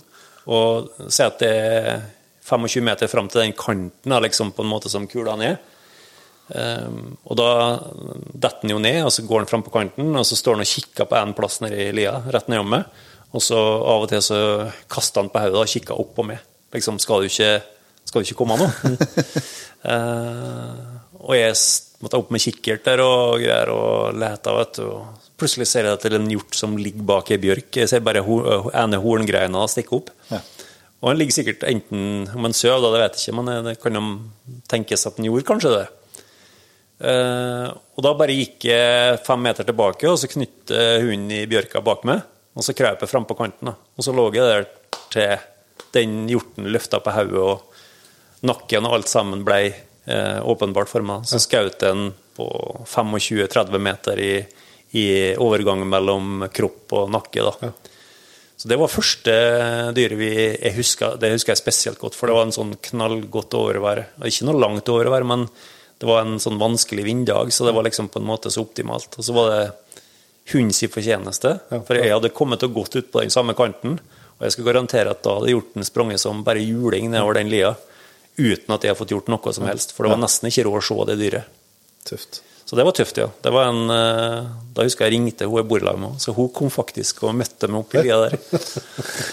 Det var en, en stor dag. Ja, det skjønner jeg. Ja.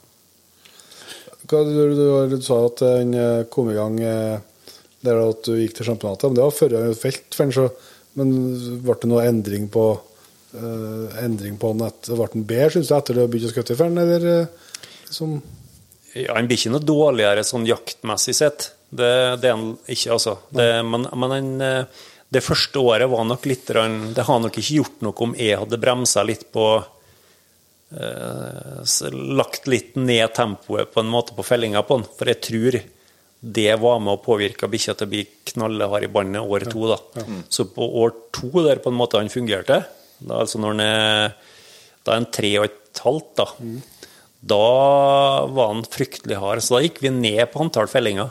Da, da ble det vanskeligere på en måte å få det til, for at han brukte for mye energi på framdrift. Ja. Så måtte, det året ble liksom på en måte et litt sånn antiklimaks, da, hvis det går an å si det. For da, da datt nok de tallene ganske betraktelig på fellinga for bikkja.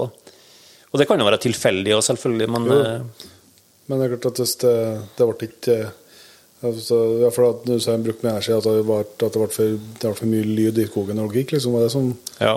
Er det knusketørt og kjempefin sol, og ikke et vindpust, så kan du være hjemme. Ja. Det er ingen hensikt å gå i skogen, i hvert fall ikke med hund. For det, vi er nå to sammen. sant? Ja, det, han er vel såpass uh, røslig at han lager vel litt for mye støy da, uh, i sånne sammenhenger. Så um, vi er nok favorittføre er vel at det er litt regn i lufta, så at det er fuktig på bakken, og så at det er litt ordentlig vind. Det er nok eh, det jeg liker best. Ja. Men, eh, men du, du har med på det meste av hjortejakt nå, så du har med deg både når du sitter på post, eller når du, når du driver og smyger og, og alt i hop? Ja, ja. En- Jeg har jo bare en hund, på en måte, og, og, og han må brukes så mye som mulig, Ja. er tanken. Ja. Og så har jeg jo en intensjon når jeg kjøpte med hund. Tenkte jeg at det er en overværshund, så da må jeg kun bruke den på overvær. Ja. Hvis ikke så ødelegger den. Men det, har, det er bare å Det er lagt vekk, da. Ja. Så det var i starten, og det, jeg skal prioritere det overværet i treningssammenheng for å få den til å bli en god overværshund. Men så er jo det eh, Da er det på tide å slippe opp, mener jeg. da, på en måte. For, for meg så er hunden kjempegod hjelp på postering. Ja. Eh, han er òg kjempegod hjelp på, I, på i, I form av at han da varsler ja, ja, han, han markerer jo at det kommer dyr fra et hold, f.eks. hvis driverne kommer fra sør, da, så kan han markere at det kommer dyr motsatt vei. Ja. Eh, så jeg har skutt enormt med dyr eh, for, der bikkja har markert at nå er det dyr på vei inn, og jeg bare gjør meg klar, og så kommer det dyret som han markerer, da, på en måte, og så blir det muligheter for fall. da. Ja. Så Et godt eksempel er jo på eh, allsidigheten på en måte til hunden. er jo eh, Vi har en plass nede i Florø der vi jakta eh, hjort i lag en gjeng. da. Og Da hadde jeg et år der vi sitter, jeg sitter på en kjempegod post, og grunneieren og jaktlederen han driver eh, oppover mot oss, på en måte. Så markerer bikkja at, at det kommer inn dyr bakfra. Da Da kommer det en spisebukk. Ja, som kommer vrangveien, liksom? Ja, ikke- kommer vrangveien, ja. Kom eh, på spasertur, den, da, på en måte. Um, og så skyter den spissbukken. Og det, det var jo hundens fortjeneste. Jeg var jo kjempeklar jeg, når den kom, for jeg forsto jo at noe var på gang. Og så gjør hun ferdig det drevet, og da neste steg da på en måte det er å, å bevege oss ned utpå et nes, da. Der jeg skal gå som en sånn eh, langs toppkuren, da, på en måte som en sånn flankedriver, eller ja. skal passe på at ikke dyra trekker tilbake over, over toppen, da. Og vi går rolig, og så, da har vi perfekt trekk. da. Ikke perfekt treff for dem som satt på post, for de postlinja vil nok, eh, var nok med å være støkt noe dyr der. Ja. Og så kommer jo de dyra på en måte, og vi får overvalgstrekk midt i maska av dem. Så da markerer den at det kommer dyr. Og så går vi frampå en kul der, på en måte, og der er det jo kolle og kalv som er eh, på myra framfor oss. da. Ja. Så skyter vi den kalven, eh, som var en liten, det var en skrapkalv. Sånn sett så er det veldig bra. På, på over, overværsarbeid, liksom? Det var overvær. Det var overvær. Ikke noe sånn langt overvær det heller, men eh, han nok, eh, ga nok med den indikasjonen jeg trengte for å være klar. da. Ja. Eh, og så står vi og vommer den, eh, og skal eh, på en måte videre som driver, da. Og da får jeg beskjed om det at han som er eier av terrenget, sier at han hadde stykka opp en veldig liten kalv to ganger. Eh, og lurte på om jeg kunne komme med bikkja og, og gå og spore på den da, for å se om vi fikk tatt ut den, for at den var så liten at den hadde ikke livets rett. da. Nei. Så går vi nå ned dit, og så lar jeg grunneieren ta båndet på hunden. Jaha. Eh, Og så går jeg litt opp i lia opp i skråninga overfor, da, på en måte litt framom. Og så går det jo ikke lenge, det, så tar jo tassen opp den kalven som da lå og trykka sånn. Og den springer jo da oppover på en måte kanten mot meg, og så får jeg skøte den òg, på en måte. Så det var, sånn en, det var en jaktdag der vi Det er jo ikke noe kremdyr da, men der fikk du brukt den på alle måter du kan bruke en bannhund på. Ja. Og, og sånn mener jeg Det er jo det som er så kjempeartig. At du kan være allsidig bruksområde på en måte. Han nyttiggjør seg den muligheten å ha med seg den hunden, gjør med at jeg kan jakte egentlig hele dagen eh, på mange forskjellige måter og ha kjølig mye glede av at den er med meg. Klart det. Og så men du, du bruker den på, på rein og elg og greier òg? Ja, jeg, nå bruker jeg den I jaktprøvesammenheng skal du ikke bruke den på rådyr. Nei. Men det nå, Det gjør du. Nå er den tida over, ja, for min del. Ja. For nå er det sånn klauvilt til klauvilt, og greia er å få felt noe som følge av et årvær på han. Ja. Eh, Så er det, det er en bannhund som jeg bruker på årvær og har lyst til å bruke på årvær. Og da, jeg, da kommer jeg til å bruke hund på alt det, på en måte. Ja. Så får det bli en annen sak den dagen du har en ny hund, på en måte, så vil jeg jo prøve å lære en at den skal ikke jakte rådyr i utgangspunktet, for å, bli en, eh, ja, for å nå de championater som eventuelt er mulig å få til. Men eh, i den store verdenen, på en måte når du skal leve livet ut med en hund, så er det om å bruke den så mye som mulig, mine òg. Ja.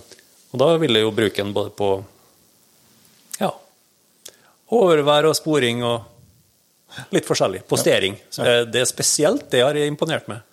Han ser, hører og lukter bedre enn hva jeg gjør. Ja. Derfor så gir han beskjed lenge før. Så, så skjøt du bedre enn han gjør. Ja, det tror jeg kanskje er det eneste, da. Så det er er et bra, bra team. Ja, ja. Nei, det blir bra. Hva, sa du sa reinsjakt, ja. Har du, du har hatt med en eh, på det, altså? Ja.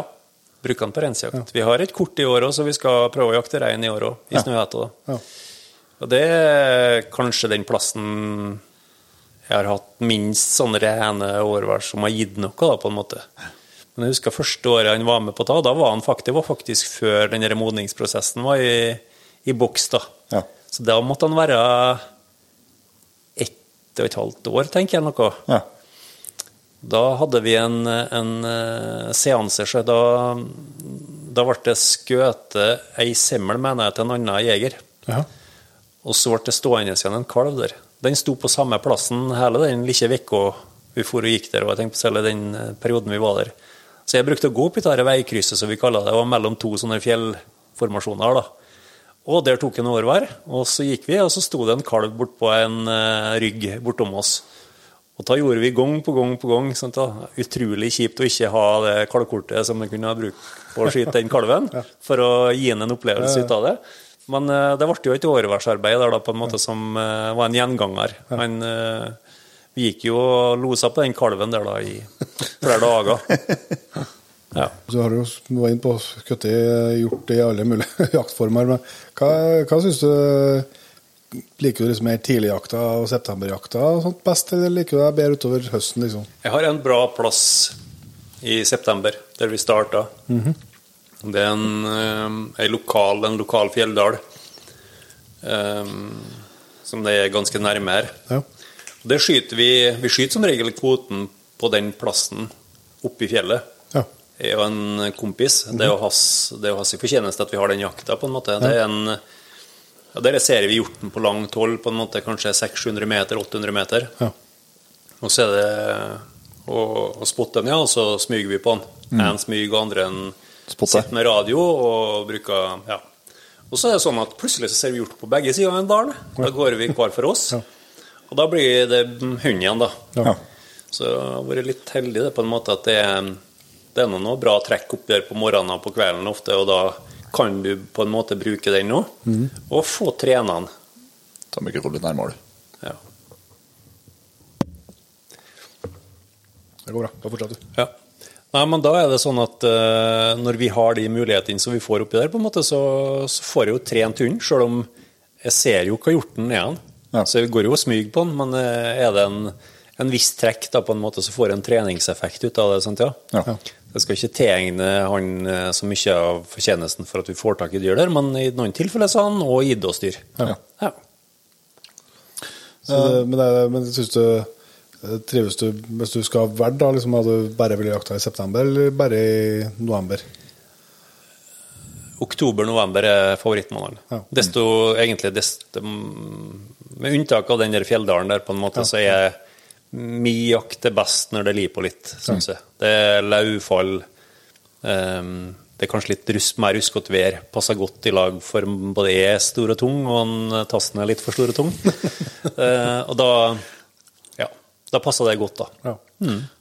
Men det er, jo- det er grunn til å trekke opp, opp i fjellet da, i september. Er det, er det, er det for å komme der det blir litt mer åpent, åpent og sånt, eh, så du får brukt hund, eller er det, er det for at det, det står mye hjort oppi her?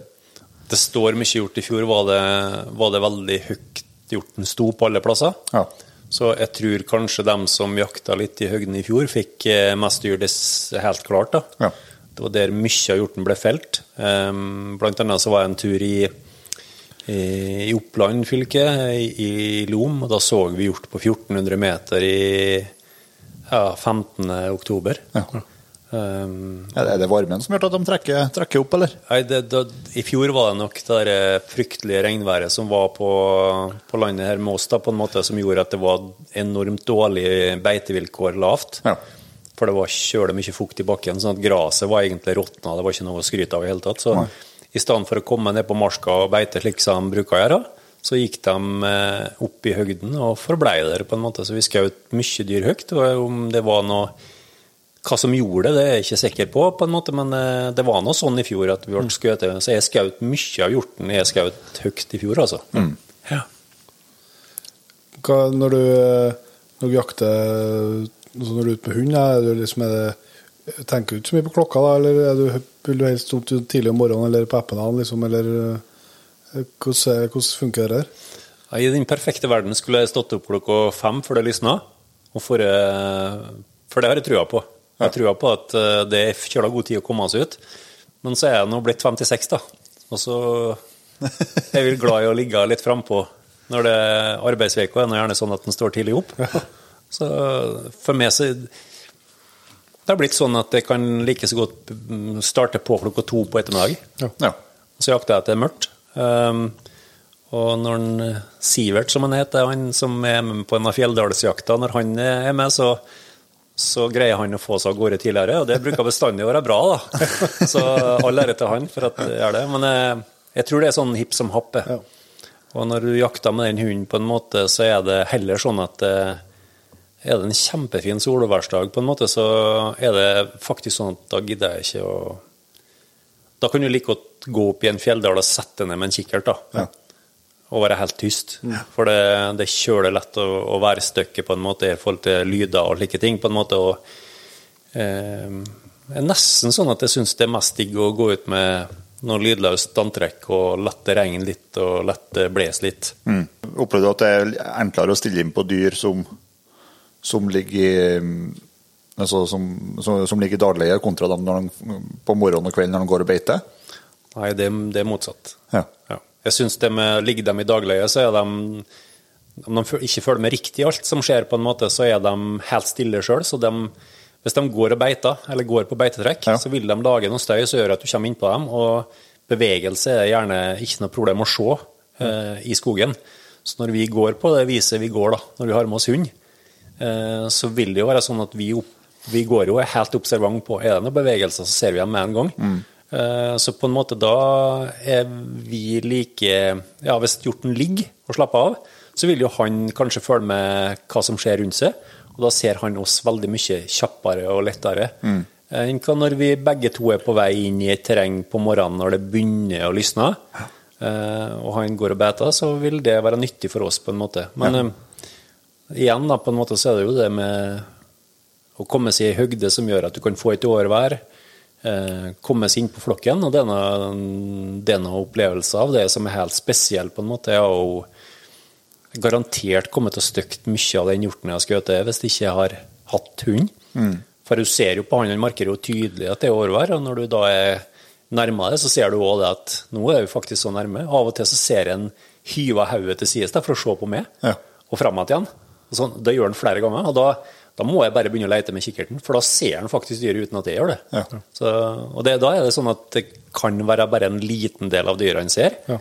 Eh, og da er det klart at eh, I noen tilfeller da, uten hund så er jeg kommet til å gått litt lenger fram, og til slutt så er plutselig dyret sett meg, så, har har sjansen vært spolert. da. Ja, Det er litt, blir litt puls da når du ser hodet begynne å gå der. da. Ja, det er så rått. Det er så rått. Det, det er Nei, det er en helt ny dimensjon til min jakt, på en måte. Og I fjor hadde jeg en, en, en sak der um, vi går eller Det er litt ruskevær, da, men veldig ustabil vind. Ja. Og så plutselig så vil en opp igjen, og vi går langs en sånn eh, skogsvei, på en måte. Og så plutselig skal han opp i terrenget. Og så bare lar han gå, da, på en måte. Vi går kanskje 150-200 meter opp gjennom litt bratt uh, motbakke og kommer godt opp i skogen, og opp i fjellsida. Eh, og så tar han et spor der. Så begynner han å spore på det, og så går han kanskje 15 meter på det sporet. Så bare snur han, så går han motsatt vei. Altså, da hadde han bestemt at det dyret det gikk ikke den veien som han gikk først, det var- gikk motsatt vei. Så går han på det sporet i kanskje nye 100-120 meter eh, på tvers av lia. da. Ja. Og så skjer det akkurat som jeg sa nå, på en måte. Han, han setter seg ned, og så begynner han å kikke kaste hodet og kikke opp på meg.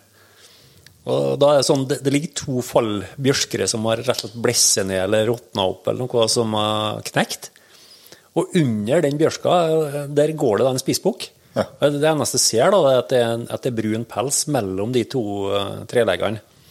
Og han er jo helt fullstendig klar over ta, på en måte. Den gikk jo der og beita, den var helt fredelig. Og jeg greide å sige ned på, på ræva på en måte, og fikk hunden attmed meg, og så knytte den fast i et lite kjerre eller noe som var der. Og, og børsa var kommet i fanget, da, på en måte, men jeg hadde ikke, jeg hadde ikke løfta våpenet eller noe. Og så plutselig så reiser spissbukken på hodet, og så ser han over bjørska mot meg, og vi er 30 meter fra hverandre. Ja. Hadde det vært en eh, bukk eller kolle, så hadde han sprunget, vet du, helt sikkert. Men det var et ungdyr, da. Ja. Og han kikka på meg kanskje i 30 sekunder, og vi sitter, og jeg tenker at håper ikke hunden begynner med noe sånn kaste på hodet eller gjør noen bevegelser nå, for da blir det i hvert fall eh, krise. Men han sitter på alle han sitter rett attmed meg. Og så bøyer han seg ned da, og fortsetter å beite. Og da fikk jeg opp eh, børsa. Så tar han ett skritt fram, da, eller to skritt fram, og da er bogen helt fri til de bjørkgrindene, på en måte. Så da ble det en spissbukk på 30 meter. Og det er en helt rå opplevelse, altså. Og det var på en måte sånn Han fikk ikke overvære av det sporet eller et eller annet, som gjorde at han gikk opp dit. Og så sorterte han med å spore riktig vei til slutt. Og så står vi der da framfor en, en spissbukk på en måte som vi får. Ja.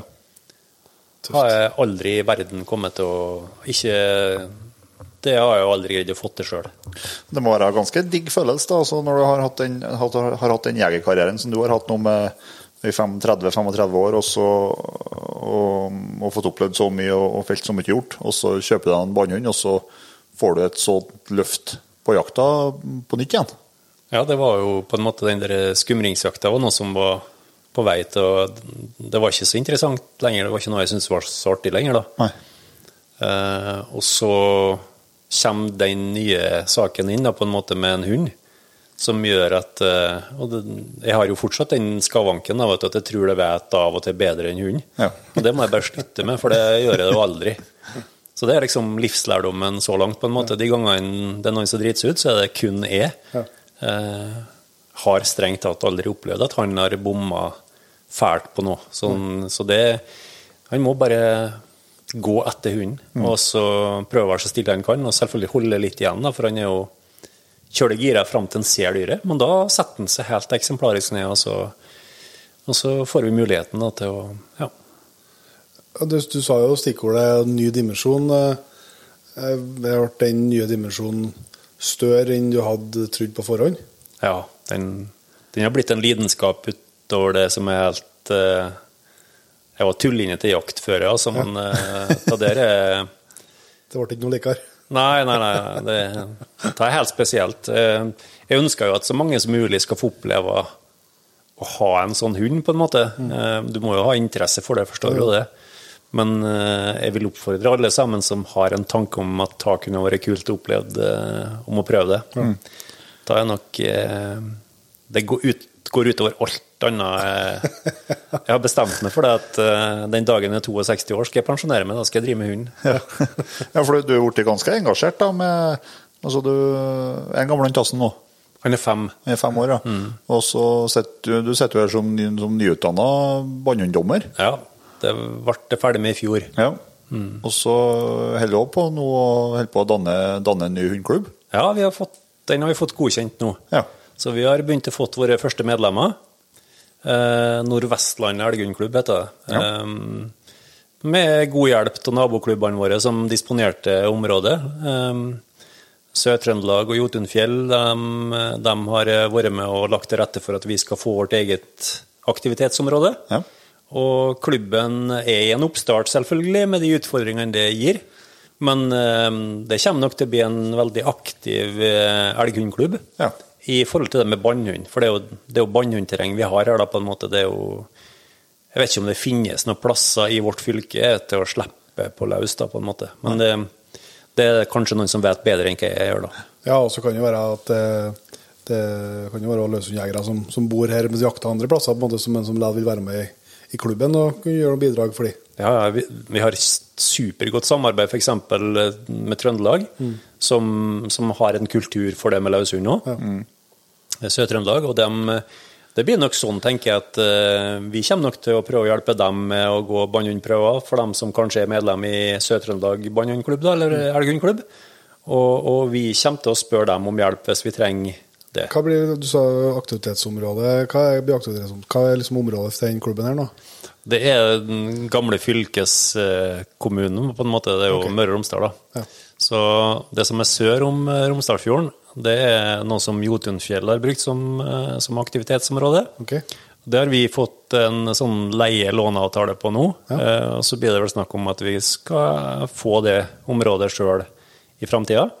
Og så nord om samme Romsdalsfjorden, på en måte, så er det Sør-Trøndelag som har disponert det.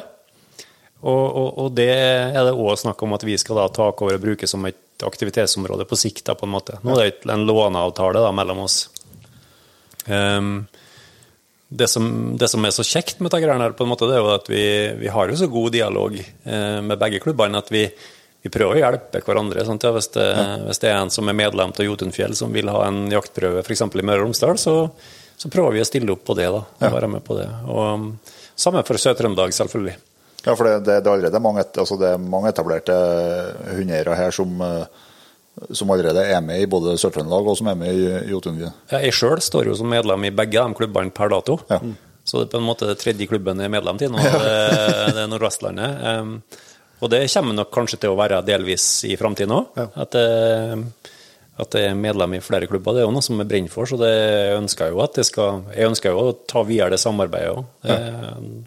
Stor ære til dem for eh, de evnene de har eh, i å samarbeide, altså. Så um, nei, jeg tror det blir kjempebra. Mm. det kan jo hende at vi må ringe til Sør-Trøndelag eller ned til Jotunfjell for å ordne med en løshundprøve til en person hvis det skulle dukke opp noen som driver med løshunder. Mm. og det Nei, det skal bli superbra. Ja. jeg vil jo tro at det for mange har vært et savn nå på hvis å ha en egen, Ja, ja, det var egen klubb. helt på sin plass at, at vi kom til det stadiet at vi fikk eh, laga en klubb her, på en måte. Vi, at jeg kan være så tullete at jeg kjører til Vågå eller mm. til Støren eller for å bli med på noe. Det, det er nok ikke det er nok ikke å tvile på. Men eh, å få de 200 andre som kanskje kan være potensielle medlemsmassen Ja. i Møre og Romsdal, på en måte til å gjøre det samme, det er kanskje aktiviteten har blitt eh, veldig liten for mange, da. Og kan økes nå. Klart det. Har du inntrykk av at, eh, at det blir mer, eh, mer elghunder liksom i, i sving her eh, enn altså, det tradisjonelt har vært? Altså, blir det, er det flere og flere som begynner å ta i bruk bannhunder på, på hjorten? Ja, det er helt eh, jeg, har ikke noe tall som gir meg noe helt klar indikasjon på det, men Du kjenner jo mye av jegerstanden i området. ja, det, i ja, det gjør jeg. Og hvis jeg kjører gjennom eh, Molle by, eller type ting, så ser jeg jo svarthunder og gråhunder og elghunder i alle retninger. Ja. Så det er ikke tvil om at det er på en måte voldsomt oppblomstring av elghund i, i vårt lokale miljø. Altså. Og det er mye unge folk som jeg nå har møtt på en måte som, som har nylig kjøpt seg hunder. Så vi har en, en skikkelig mengde med veldig, veldig unge eh, hundeeiere. Ja. De trenger ikke være unge alle som har kjøpt dem, men de har aldri hatt hund før da, på en måte. og gjør sitt første hundekjøp. Det er jo et veldig lovende utgangspunkt for den nye klubben. Da. Ja, det har jeg kjempetrua på. Ja. Ja, det er bra. Mm. jeg er bare nysgjerrig på det. For å starte, hvordan er det å starte en Helgehundklubb? At- Altså, hvem er det som Er noen som, må, er noen som bestemmer det på vis at du Eller kan, kan du bare gjøre det? Nei, det, det er nok en uh, Det har vært en Det er en prosess. ja. ja. Det er, en prosess. Det, det er jo en forhandling på en måte med de lokale klubbene som, rundt oss, som har hatt aktivitetsområdet sitt i vårt område. Um, og det tar noen tid, på en måte. Man må finne de løsningene som er best for alle parter. Og så skal jo eh, Helgehundforbundet inn, på en måte, og eventuelt uh, gi et råd om å godkjenne det eller ikke. Så det var jo en ting som ble opptatt på RS eh, i år, eh, og ble da godkjent at vi kunne stifte den klubben eh, mot at vi inngikk en avtale om å dele på et aktivitetsområde. Ja. Så, så det blir Nei, det ble eh, Det gikk fint, det, altså. Det tar tid, eh, og så må en gjøre ting i riktig rekkefølge, på en måte. Men nå er vi der, på en måte. Nå har vi Hva er første liksom, store samlaprøven dere har planlagt for, for nyklubben? da? Ja, si det. det. Den første store samlaprøven kommer nå til helga. Den, eh, den, eh, den skal vi ha, så Det heter Øksendalstreffet. Det er et eh, treff vi lager til for at det skal være et tilbud til den nybegynneren. Ja. Så vi prøver å Ja, vi tildeler én prøve per hund, på en måte. Det blir ikke noen todagersløsninger for dem som vil det. Men vi har veldig mange unge hundeeiere som vi ønsker å fremme fram mot ja, liksom at de skal komme i gang. Ja. Og så har vi det på en sånn fantastisk fin plass som heter Øksendalen. Det, I år så har vi eh, en sånn litt ærverdig plass vi skal ha det på. Okay. Eh, og der møtes vi på en måte og tildeler dommere og viser fram områder og litt sånne ting. Kjører noen enkle sånn bannhundkursgreier på en måte til dem som er nybegynnere. Og skal ha to dager med sosial eh, sak, da, på en måte, der vi og dem kommuniserer og har det artig og går bannhundprøver og ja. Det blir kjempebra. Ja, tøft. Det er jo noe som har eksistert i mange år, da, det treffet. Ja, for det var Sør-Trøndelag som hadde det før? Ja, de har det nå i år òg. Ja, de har det nå i år, ja. Mm. Det er bare at uh, en del av Nordvestlandet sine medlemmer på en måte er med og arrangerer det. Ja, så det er sånn, det er òg et samarbeidsprosjekt. Ja, ja. Ja. Tøft. Nei, men det har vært artig. Vi vet jo at uh, du Kjell Inge er en, eh, en eh, Vi var inne på det innledningsvis her, at du er jo en veldig allsidig jeger, vil jeg si. Så du jakter jo mye forskjellig, så vi må snakke litt uh, annen, jakt òg. Du, du sa om, om reinsjakta med hund, ja, men rein har du, det, du har drevet med det ganske lenge og prioritert det over mange år, eller? Ja, Reinsjakta er noe som er artig å ha med seg, på en måte, men det, det er på en måte en sånn oppkjøring for å teste om kroppen tåler hjortejakta som kommer eh, for min del. Det, jeg, har ikke, jeg har ikke en haug med løyver. Eh, noen år har jeg nok vært mange dager på reinsjakt, Ja. men eh, det er nok kommet ned på det nivået at jeg får meg helg eller to på en måte, eller ei langhelg eller noe, så er jeg fornøyd. Ja. Ja. Eh, og så er det fint med den der muligheten til å komme i høyfjellet, på en måte. Mm. Og jeg har skutt noen reiner, men ikke sånn, det er ikke det jeg har skutt mest av. Nei, det er det ikke. Hva, hvor er det du har uh, jakta mest rein? da? Jeg jakta kun snøhetta. Kun snøheter. Ja. Opp, Så, opp ifra her sida. eh, ja.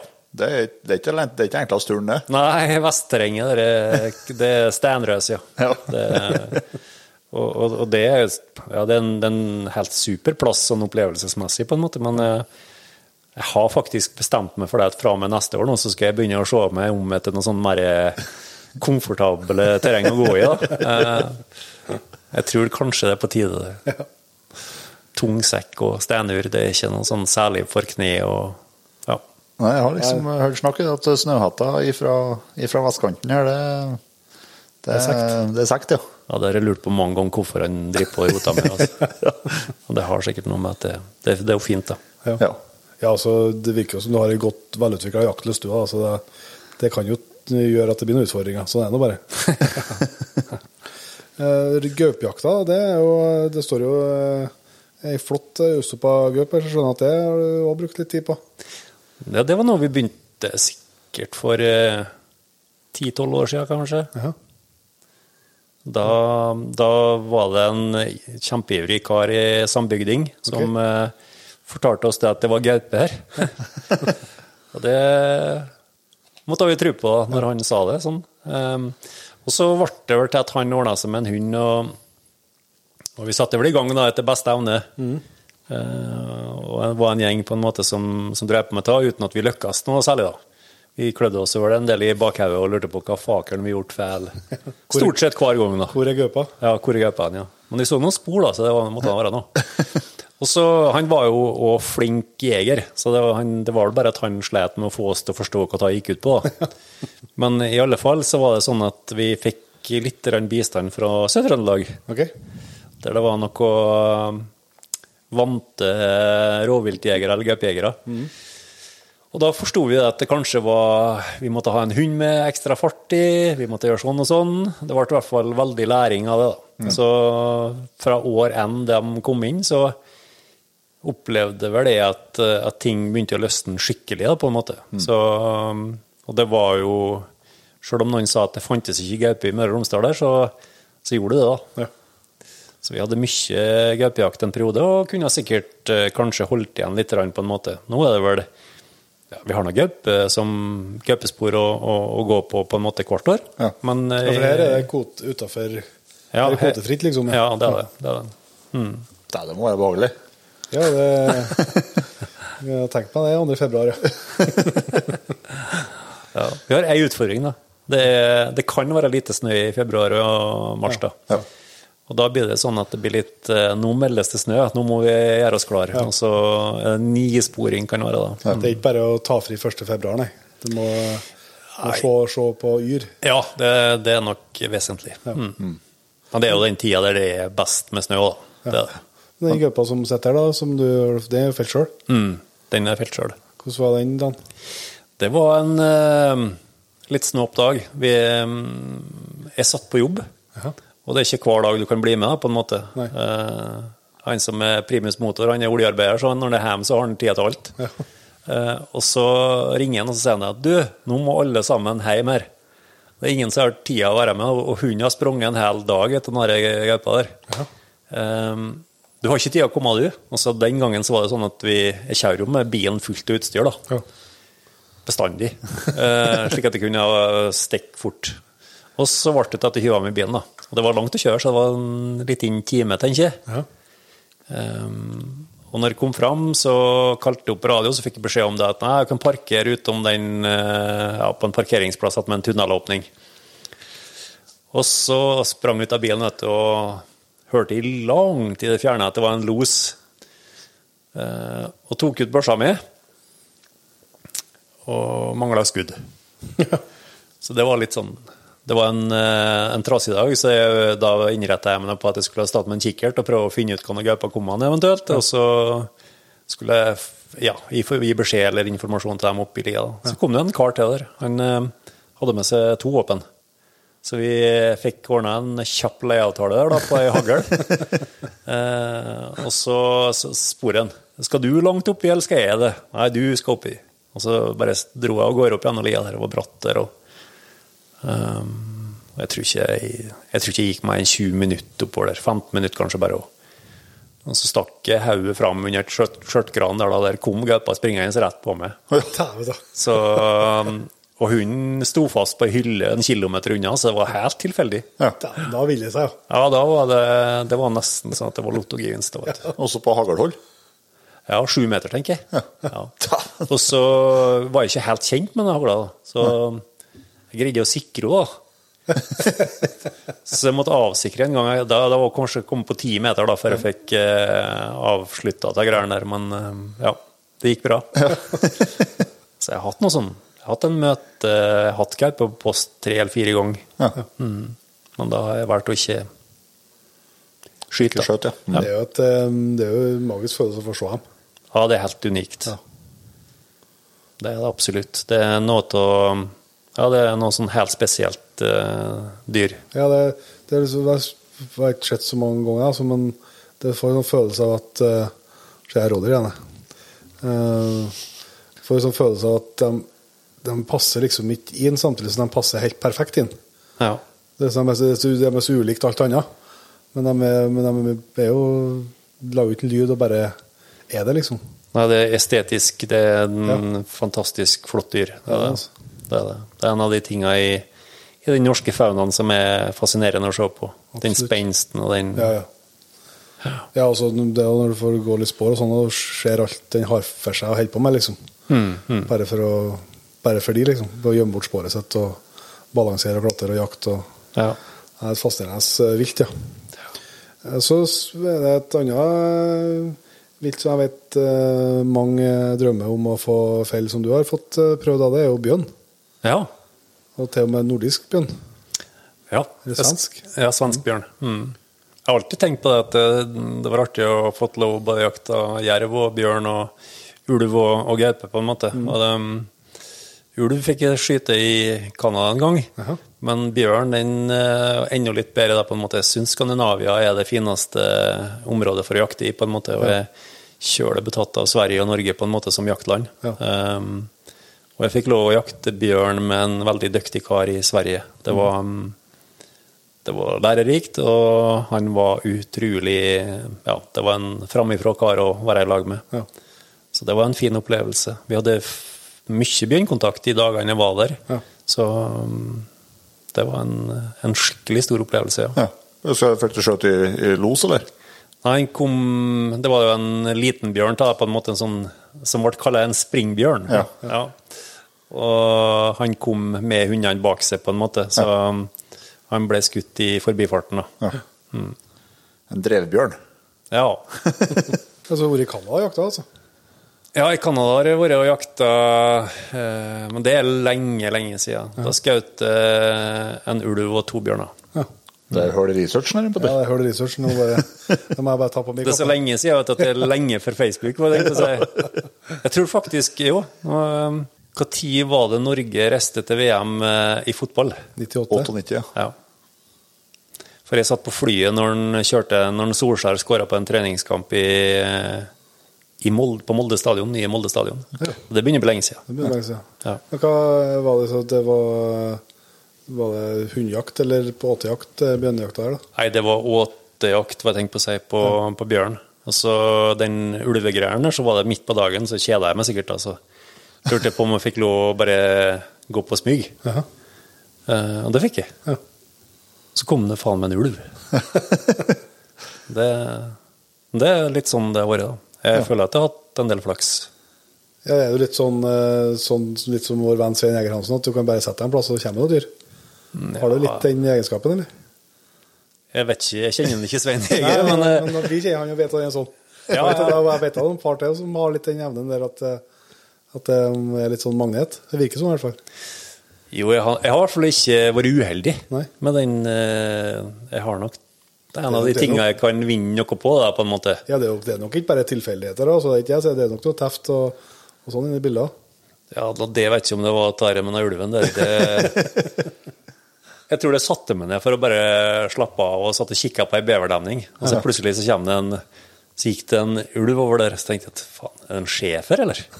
Syns han var så mørk i pelsen og sånn. Ja. det, eh, nei, hva faen. Jeg mener, ikke verden er jo ikke noen hunder her oppe, tenkte jeg. Det er jo 40 mil fra, eller 100 mil fra sivilisasjon. Ja. Så jeg skjøt den der ulven, da. Så fikk jeg grenseløs Jeg var jo sånn passe avmålt. eh, Jeg hadde jo ikke noe sånn forhold til den ulvesaken. Nei, nei, nei. Så når jeg kom i leiren her, da, så var det en, noen karer fra Texas som sikkert kom dit for å skyte ulv. Ja. Tror det. Så når jeg kom inn med den her, da, så så jeg vel ikke Ja, jeg var fornøyd sikkert, men ikke noe mer enn det. Typisk norsk. Og da syntes de at det var arrogant, ja. Så, si sånn. Så jeg fikk ei helsikens kjeft. da. Men uh, en annen eh, spesiell opplevelse som, du, som jeg vet du har hatt, det var Og det ligger nå et bevis på eh, Jeg kan si at det, det henger et godt synlig bevis på veggen her òg. Du har vært på Anorjokka. Ja. På elgjakt. Ja.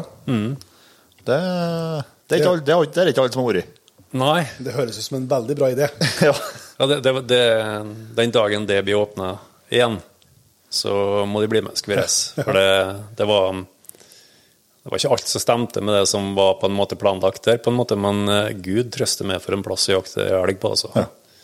Der Det, er for det, det er fjell. Ja, der er det ja, Som de skal få se på noen bilder etterpå, så det er lange, slake eh, dalsider på en måte, med noen dype bunner. og så er liksom, det er enorme størrelser på, eh, på området framfor det. Og det vi gjorde, på en måte, vi gikk jo opp i høgde, og så gikk vi og lokka og slike ting når den brunsttida kom. Ja. Og det var en måte å få tak i dyr på, på en måte, som vi, den elgen du har sett her, på en måte, den er jo, den er jo en lokkeelg. Um, han kom jo rivende da på en måte så at bjørskene bare ruska opp. Sånn tremeters eh, bjørsk bare ja, Det var ikke noe motstand i hele tatt. Nei. Så den kom jo fra kanskje Skal jeg tippe, så kom den sikkert fra kanskje en kilometer òg. For at eh, det ble langt vekke, og så kommer den der eh, gartinga på en måte som Når vi lokka på den, på en måte, så kom jo han nærmere og nærmere. og Til slutt så var han på 150 meter, da. Så det var, det var massivt store elger. Jeg tror det var skotte Jeg tror det ble skotte 15-16 okser, tar ikke feil. Det er mulig at det er feil, tar, altså, men 12, da. 12 til 15, da. Uh, og ingen var under 250 kilo, tror de i slaktvekt. Så det var helt Og det, det var jo fortsatt grenseløst med, med store elg igjen der. Ja, dere, dere så, så med elg? Ja, ja. Eller eh, jeg skjøt jo dem jeg så, da, på en måte, men det, men eh, det var nok eh, bra med, med, som store elger ja, på en måte, for at det, det, det var det nok. Ja, for det, det var over 300 kilo den der. Ja, den var over 300 kilo. Ta det, var en eh, helt utrolig opplevelse. Altså, det var mm, egentlig flott oppholdsvær. Sant? Det var bra syn. og Han kom bare vraltende opp igjen liksom mot den haugen vi satt oppå. Så det var helt supert. Det var en De kommer jo gående som at de vet at de er kongene. Ja, rugga seg på, på en måte. Så helt rolig i gange. Det var det. Og Du det var, skjøt en eh, storokse til òg? ja, fikk en eh, Det var dag to eller tre, tror jeg det var. Da skulle vi kjøre i gang med noe sånn hundejakt, da, på en måte. Løshund. Uh, her losen bare forsvant vekk. og tenkte at ja, nå, er vi, nå sitter vi her nå i fred. Eh, og da må han bare liksom satt der og kikka meg rundt og det var noen åpne myrer begge veier og litt sånne ting. da. Og så hadde han den dagen der så han sagt at han hadde 70 elg på kvoten, og det var få jegere på en måte som var der, så vi hadde egentlig muligheten til å skyte litt flere dyr, da. Ja.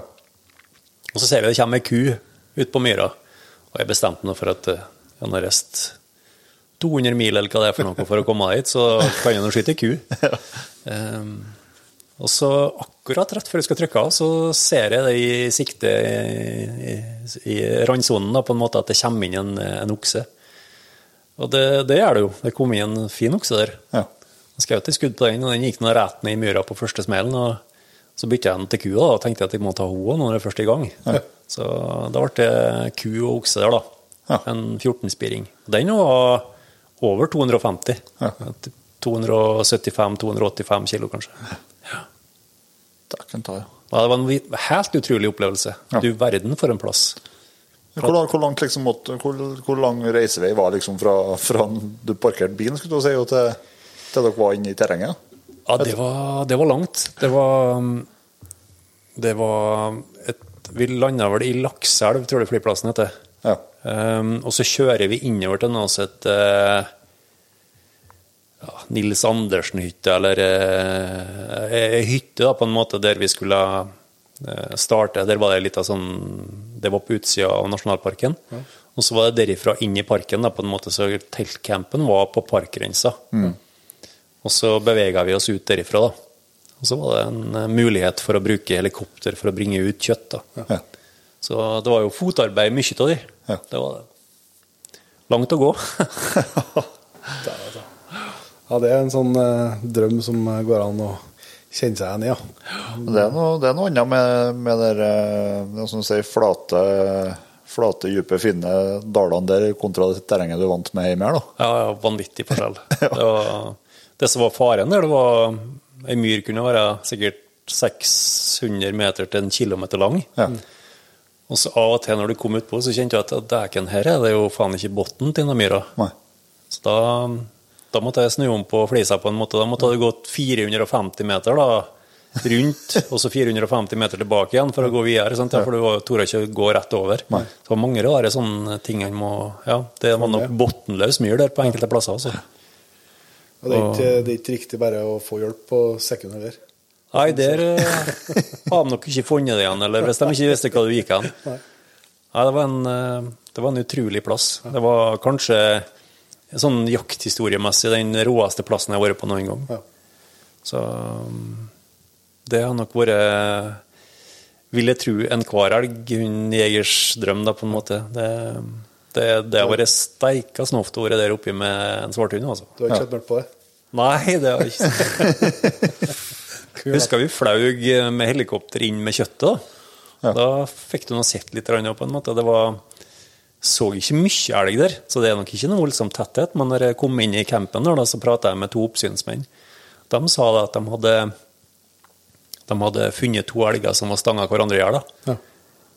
Og jeg tror det var 24-28 dager på dem. Ja. De lå altså på samme plassen attmed hverandre. da.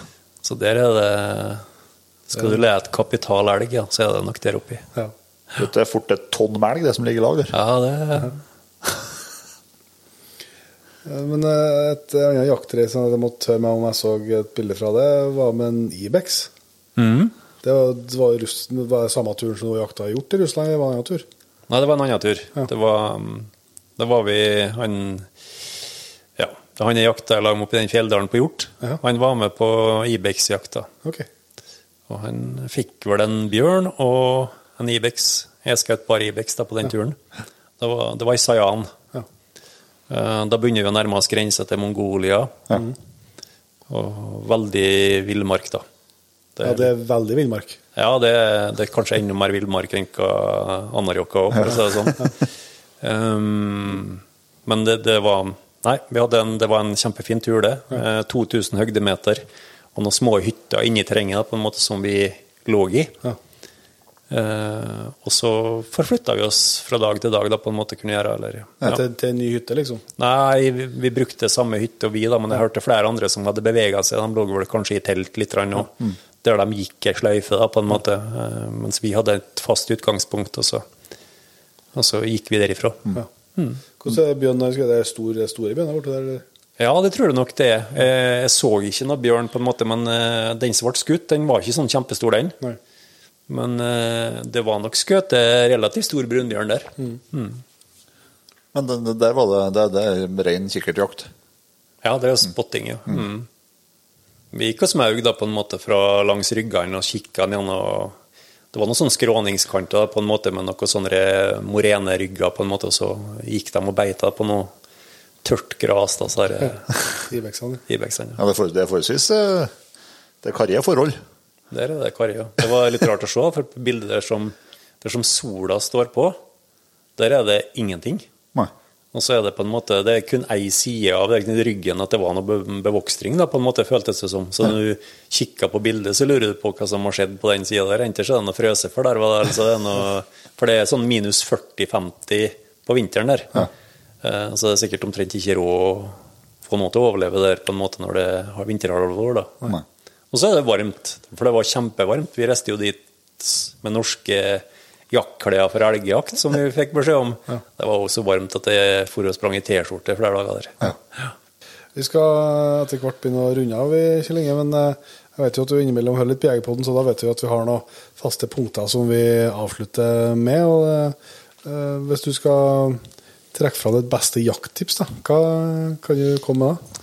Ehm, nei, det, det, det har det vært nevnt sikkert en del ganger før. Det Antall dager ute. Du må aldri si nei til jakt. Nei. Ehm, kommer det en mulighet, så skal det vektige grunner for å ikke være med på den jakta. uh, og jeg tror kanskje den som er tålmodigst og er mest ute, er den som finner ut mest og lærer seg mest. Um, ja, det er vel egentlig Så har jeg aldri på en måte Jeg være nysgjerrig. Ja. Det er å, å alltid stole på hunden. Det er et godt tips. i hvert fall. Bestandig. Hvis du tror du vet bedre, så er det feil. Bare slå jeg fra. Ja. Men det, det, du sier nysgjerrig der, det, det biter meg på en måte merke til. For det virker jo som det er det som har gjort at du har vært på litt forskjellige turer og opplevelser òg, for at du har vært nysgjerrig på, på å få oppleve nye ting. Ja, det, det, det syns jeg er kjempekjekt. Eller det var i hvert fall kjølig kjekt før, da. Ja. Og så er det blitt mer sånn at jeg syns det er um, det- som er det nye, det er at hvis et møter folk som har lang erfaring med en ting, så syns jeg det er kjølig interessant å prøve å sette meg inn i hvordan de tenker. Ja. Um, bøker leses for at det kan komme noe ny kunnskap som jeg kan bruke i min egen jakt. Eh, og så prøver jeg å Jeg har vært heldig, da. Jeg har eh, møtt veldig dyktige folk på bjørnejakt. Jeg har møtt eh, kjempedyktige folk på mye annen jakt som gir meg kunnskap, kunnskap som jeg ikke har. Og så er det den der nye tingen nå med den bannhundjakta, så er jeg jo på en måte helt nybegynner. Og kjenner kjølig mye folk som har mye mer kunnskap enn hva meg. Og da blir det litt interessant å ha omgang med dem for å lære nye ting og forstå nye ting. Og, og det gir meg utrolig mye. Det er veldig mye kompetanse i, i det miljøet på en måte som jeg kan få ennå. Ja. Og det, det er en av de tingene som gjør det litt artig. Da. Du, vi skjønte jo det helt i starten her, at du som oss er glad i, i jaktutstyr. Eh, En av uh, jaktutstyret som du har lyst til å uh, fortelle litt om, som du er ekstra fornøyd med, som du vil anbefale folk? Er vanskelig. Skal, Det er, det er så mye. skal vi inn i optikkverdenen tror du? Nei, det, eh, ja, det, det er klart at uh, håndkikkerten min, på en måte, den, eh, det, den er essensiell i, i alle sammenhenger. Ja. Det, eh, det er nok en ting som og Det klarer jeg meg ikke uten lenger. på en måte. Jeg ser Når jeg går bannhundprøver som dommer, òg, så må jeg ha med den kikkerten for å være sikker på hva det jeg ser. Det har noe med synet òg, da. Ja. Det er på feil, er på feil eh, vei.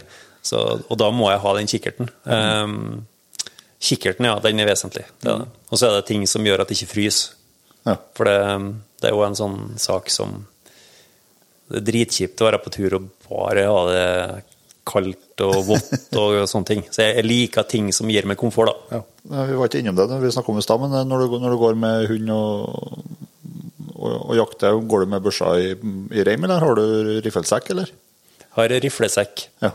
Og det er jo en av de nye tingene. Det, det er jo kjekt at du sa noe, på en måte. For at eh, vårnsekken eh, Nå har jeg Jeg sa det til en par karer i fjor, at fra og med nå av skal jeg putte børsa til sekken. Skal ikke ta henne heller før jeg ser at den har årvær. Eh, for jeg tror nesten ikke jeg har skutt på sånn tilfeldig der det kommer et dyr springende. Det er når hunden markerer. Mm. og når jeg går på snik og kan bruke kikkerten på en måte begge hendene fri, og ikke minst for å holde styr på bikkja, så er det utrolig kjekt at den børsa står bare i den sekken. Og så si at han markerer, da, på en måte, og du vet at ja, han markerer ikke så sterkt ennå. Nå har en 200-300 meter igjen. Da tar jeg fram børsa. Og det tror jeg faktisk jeg kommer til å, å praktisere. Jeg kommer ikke til å gå med den på skuldra eh, slik som situasjonen er nå, nei. For det, um, riflesekken er, den kunne komme opp på den lista du prata om i sted. Det er en sånn eh, bra ting som har blitt det. I hvert fall nå med de nye sekkene til våren. Ja. Du har opplevd eh, mye forskjellig, men er det noen jaktdrøm som du, som du har eh, i deg som du ikke har eh, levd ut ennå? Ja, det, det er det helt sikkert. Det er alltid noen ny jakt som jeg kunne tenkt meg å prøve. Det, det er kanskje i utgangspunktet det første ønsket er å skyte en ordentlig stor eh, norsk eh, bukk. Mm. Den planen har jeg hatt i mange, mange år, og jeg prøver å praktisere på følgende vis at jeg, at jeg leter etter den hjorten, på en måte, og så har jeg vel sett mange fine hjorter, men jeg har stått av og uh, skutt enkelte ganger da, for å for å utsette det et år, eller for å se om vi finner noe større, eller type ting. Så Ja, det var synes jo du har eh, noen, Jeg vil faktisk betegne den på sida her som en ordentlig stor bukk. ja, ja, jo, men det, det, det er det jo på en måte. Jeg har vært kjølig heldig med bukkeskytinga mi, på en måte. Men det har vært artig på en måte når en eh, Hvis en jakter i 60 år og fått skotte seg en ordentlig kapital gullhjort, det kunne jeg tenkt meg. Ja. Men uh, det er det ingen garanti for. Det er absolutt ikke. Det har vært kjedelig hvis det vært garanti. da. Ja, det har vært fòletrassig. Sjøl om jeg nesten kunne begynt å tenke på at jeg likte det nå. Hva er det, men er det er gullbukker her omkring? Liksom det, det er mulig å skjøte seg en gullbukk her hvis det er heldig? Ja, det har vært skutt i hvert fall én gullbukk på landsida her med oss, da. Ja. Og det er nok det ellers òg, på en måte. Men det er litt sånn Det er bra med gullbukker, kanskje, men eh, det er bare at en må ha kvote ledig når den dagen kommer at den er der. Eh, og det Ja, nei, men ta en ting som en stor, fin 14-tager om en eh, sølv, som er flott, Ja. er òg en drøm. Ja. Så det er kanskje mer realistisk å si det at en gjort på 165 poeng, da, på en måte, hvis den er flott, så er det aldeles bra nok. Ja. Og helst for egen hund, da. Det har vært gull. Det det. Det har vært bra, ja. Hvis vi skal lure deg til å fortelle enda en jakthistorie før vi runder av, da, Kjell Inge, hva, hva kan du dele med oss da? Jeg har brukt opp så to historier som jeg tenkte jeg skulle ta nå. Vi kan jo ta ennå, men det, det, det er klart at det, det er en sånn blandingshistorie, på en måte. Det var Det var en plass jeg har jakt lokalt som der vi eh, hadde savna brødlinga det året. Okay. Og så var vi vel to stykk som gikk oppi. Um, og jeg gikk ganske lenge uten at det skjedde noen verdens ting. Liksom sånn halvmild kveld, da. Eh, og så så jeg hunden markerte uh, oppi liksom bjørkariset, helt der du nærma deg snau. Og det er sånn steinrøys-type plass der, da, på en måte. Så satte vi oss ned, og så spiste vi litt, og så prøvde jeg å lukke, og så skjedde det ingenting. Og så plutselig så var det et sånn svakt brøl. Og så venta jeg litt, og så ble det litt sterkere, på en måte, og litt oftere. Da begynte det å skumres, da. Um, og vi går um, sakte mot den plassen, på en måte. Um, og så vil hun oppover i lia. Han hører jo brøla, han òg, men han får da trekke den ned lia òg. Ja. Um, og vi begynner å gå, og så ser jeg en bukk som står uh, i liksom risa, på en måte, med litt for mye kvister og greiene foran seg, sånn, på en liten hundremeter. Uh, men dit skulle ikke hunden. Han ville til venstre. Og det var kjølig greit, for at uh, vi gikk kanskje sier at vi gikk 70-80 meter da, og skikkelig bratt og ekkelt å komme seg fram. Måtte liksom bruke alle fire, delvis. Um, og vi kommer opp dit, og der dundrer det til å brøle en hjort. vet du. Noe så gale. um, og den har sikkert stått og skulle få vekk den litt mindre bukken som sto i det rusket rett bortom der. da. Uh, og panikknytte bikkja i nærmeste bjørskalegg uh, og tok av meg den sekken. Og så datt reima eller sånn spennet spenne innpå stokken på børsa, som var en sånn karbonstokksak. da, Så innhold. sant da? Nå for sjansen, tenkte jeg. Og jeg tenkte at jeg må bare gå fram og se. Ja da. Møtte hjorten. Hjorten hadde hørt uh, smellen inn, og var sikkert nysgjerrig på hva ta var for noe. Så vi møttes da på halvveien, begge to. Og fikk sett på et bogskudd, da. Og den rasa gjennom lia der, vet du. Rammel og leven til 1000. Og det var en av de tingene som jeg har mm, kanskje måtte ha gjort litt annerledes nå, da, siste tida. For at eh, hun og jeg dro jo etter i full eh, galopp da, vet du, Ja. Og det er jo fullstendig skivebom da, i forhold til eh, at du skal få en rolig hund. Ja. Så nå er det sånn at vi lar det komme en smell, på en måte, men vi venter litt og skryter litt av bikkja, og så går vi rolig fram til, til fallet. Ja. Den gangen var det jo litt spesielt, da, tror jeg. Så, Det er lov med litt hodemist innimellom. vet du, sånn. jo, det var det, den gangen var jeg litt redd for at kanskje det ikke satt godt nok, så da, men det, det var ikke noe problem, det. Nei. det var, så da ble det en tolvdager. Ja. Tøft. Jeg syns det var ei bra jakkestore. ja, det var, det, var, det var en fin og verdig avslutning. Absolutt. Så da skal vi si tusen hjertelig takk Linje, for at du har tatt imot oss og vil slå av en prat med oss. Det vi setter veldig stor pris på. Det tror jeg helt sikkert våre lyttere og vil stemme med oss i. Det var kjempehyggelig å være med dere. Tusen takk. Det var altså Kjell Inge Søvik, det, Inge. En eh, meget eh, allsidig, dedikert jeger, men ikke minst da hjortejeger på sin hals. Absolutt. Og det, det er fascinerende å prate med sånne typer som han, eh, som, som har felt hundrevis av hjorter og, og på, på mange forskjellige jaktmetoder og har jakta veldig mye. Men som nå, er det noe som har en svart elghund på, på fem år. Og uansett hva man liksom snakker om, så Ble det bare så dit, ja. blir blir bannhundprat til slutt. da. Så det viser jo at eh, selv om han har eh, Altså, han har hatt det bra på jakt selvsagt før, hun men det ble liksom en ny dimensjon til, til han med det. da. Men jeg håper nå at det var interessant både for deg som eh, jakter hjort eh, med eller uten eh, hund. Jeg tror det var gode tips å, å plukke opp eh, uansett. Så eh, vi må bare si takk til Kjell Inge som tok oss imot og tok oss med på, på litt jaktprat. Mm. Vi skal begynne å gå inn for landing, eh, vi og Inge, og da skal vi jo tradisjonen tro før den tid ønske nye patriens velkommen i jaktlaget. Det skal vi. Og lista har blitt fylt på ei uke her, den, gitt. Ja, det er er bra. Så vi sier tusen hjertelig takk til Morten Sandnes, Simen Foss, Jørn Moe, Kristoffer Klem Seljeseth, Svein Erik Glåmen Erlend Fagerbæk, Gaute Bjørseth, Audun Vatle, R. Leistad, Jan Ivar, Bjørnar, Svein Hansen, Kristian Hafstad, Sondre Hedansjø, Susanne Nei, Espen Oseth, Susanne Utse Olsen, Svein Ove Imsland, Marie Kornmo Enger, Elias Ro, Magnus Fimland, Kristine Audun S. Holtan, og Bernt Enge Larsen. Tusen hjertelig takk til dere. Og eh, vi skal ønske dere òg velkommen inn i nettbutikken. eh, Både dere som er Patrion, så får jo ekstra gode priser. Eh, Og du som ikke er Patrion, får jo gode priser, men ikke like ekstra, nær sagt. så der er det en del nyheter nå. Både nye kniver, og det er viltkamera. Og, og vi nevnte jo den flerbrukslina fra VIP, så det er masse nyheter. Og selvsagt er det mange gode klassikere også som uh, gjør at du kan ha litt ekstra bra eller litt ekstra artig på jakt i år, kanskje. Yes. Så sjekk gjerne ut det. Så tror jeg vi bare runder av, og så ser vi til neste gang. Vi høres.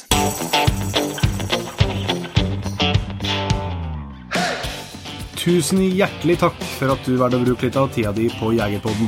Sjekk ut jegerpodden.no eller eh, din favoritt-podkastspiller for enda mer innhold og flere episoder. Følg også Jegerpodden på Facebook og Instagram, og ikke minst, husk å fortelle alle gode venner, familie og tilfeldige forbipasserende om Jegerpodden, sånn at vi får spredd det glade budskap videre. Vi høres.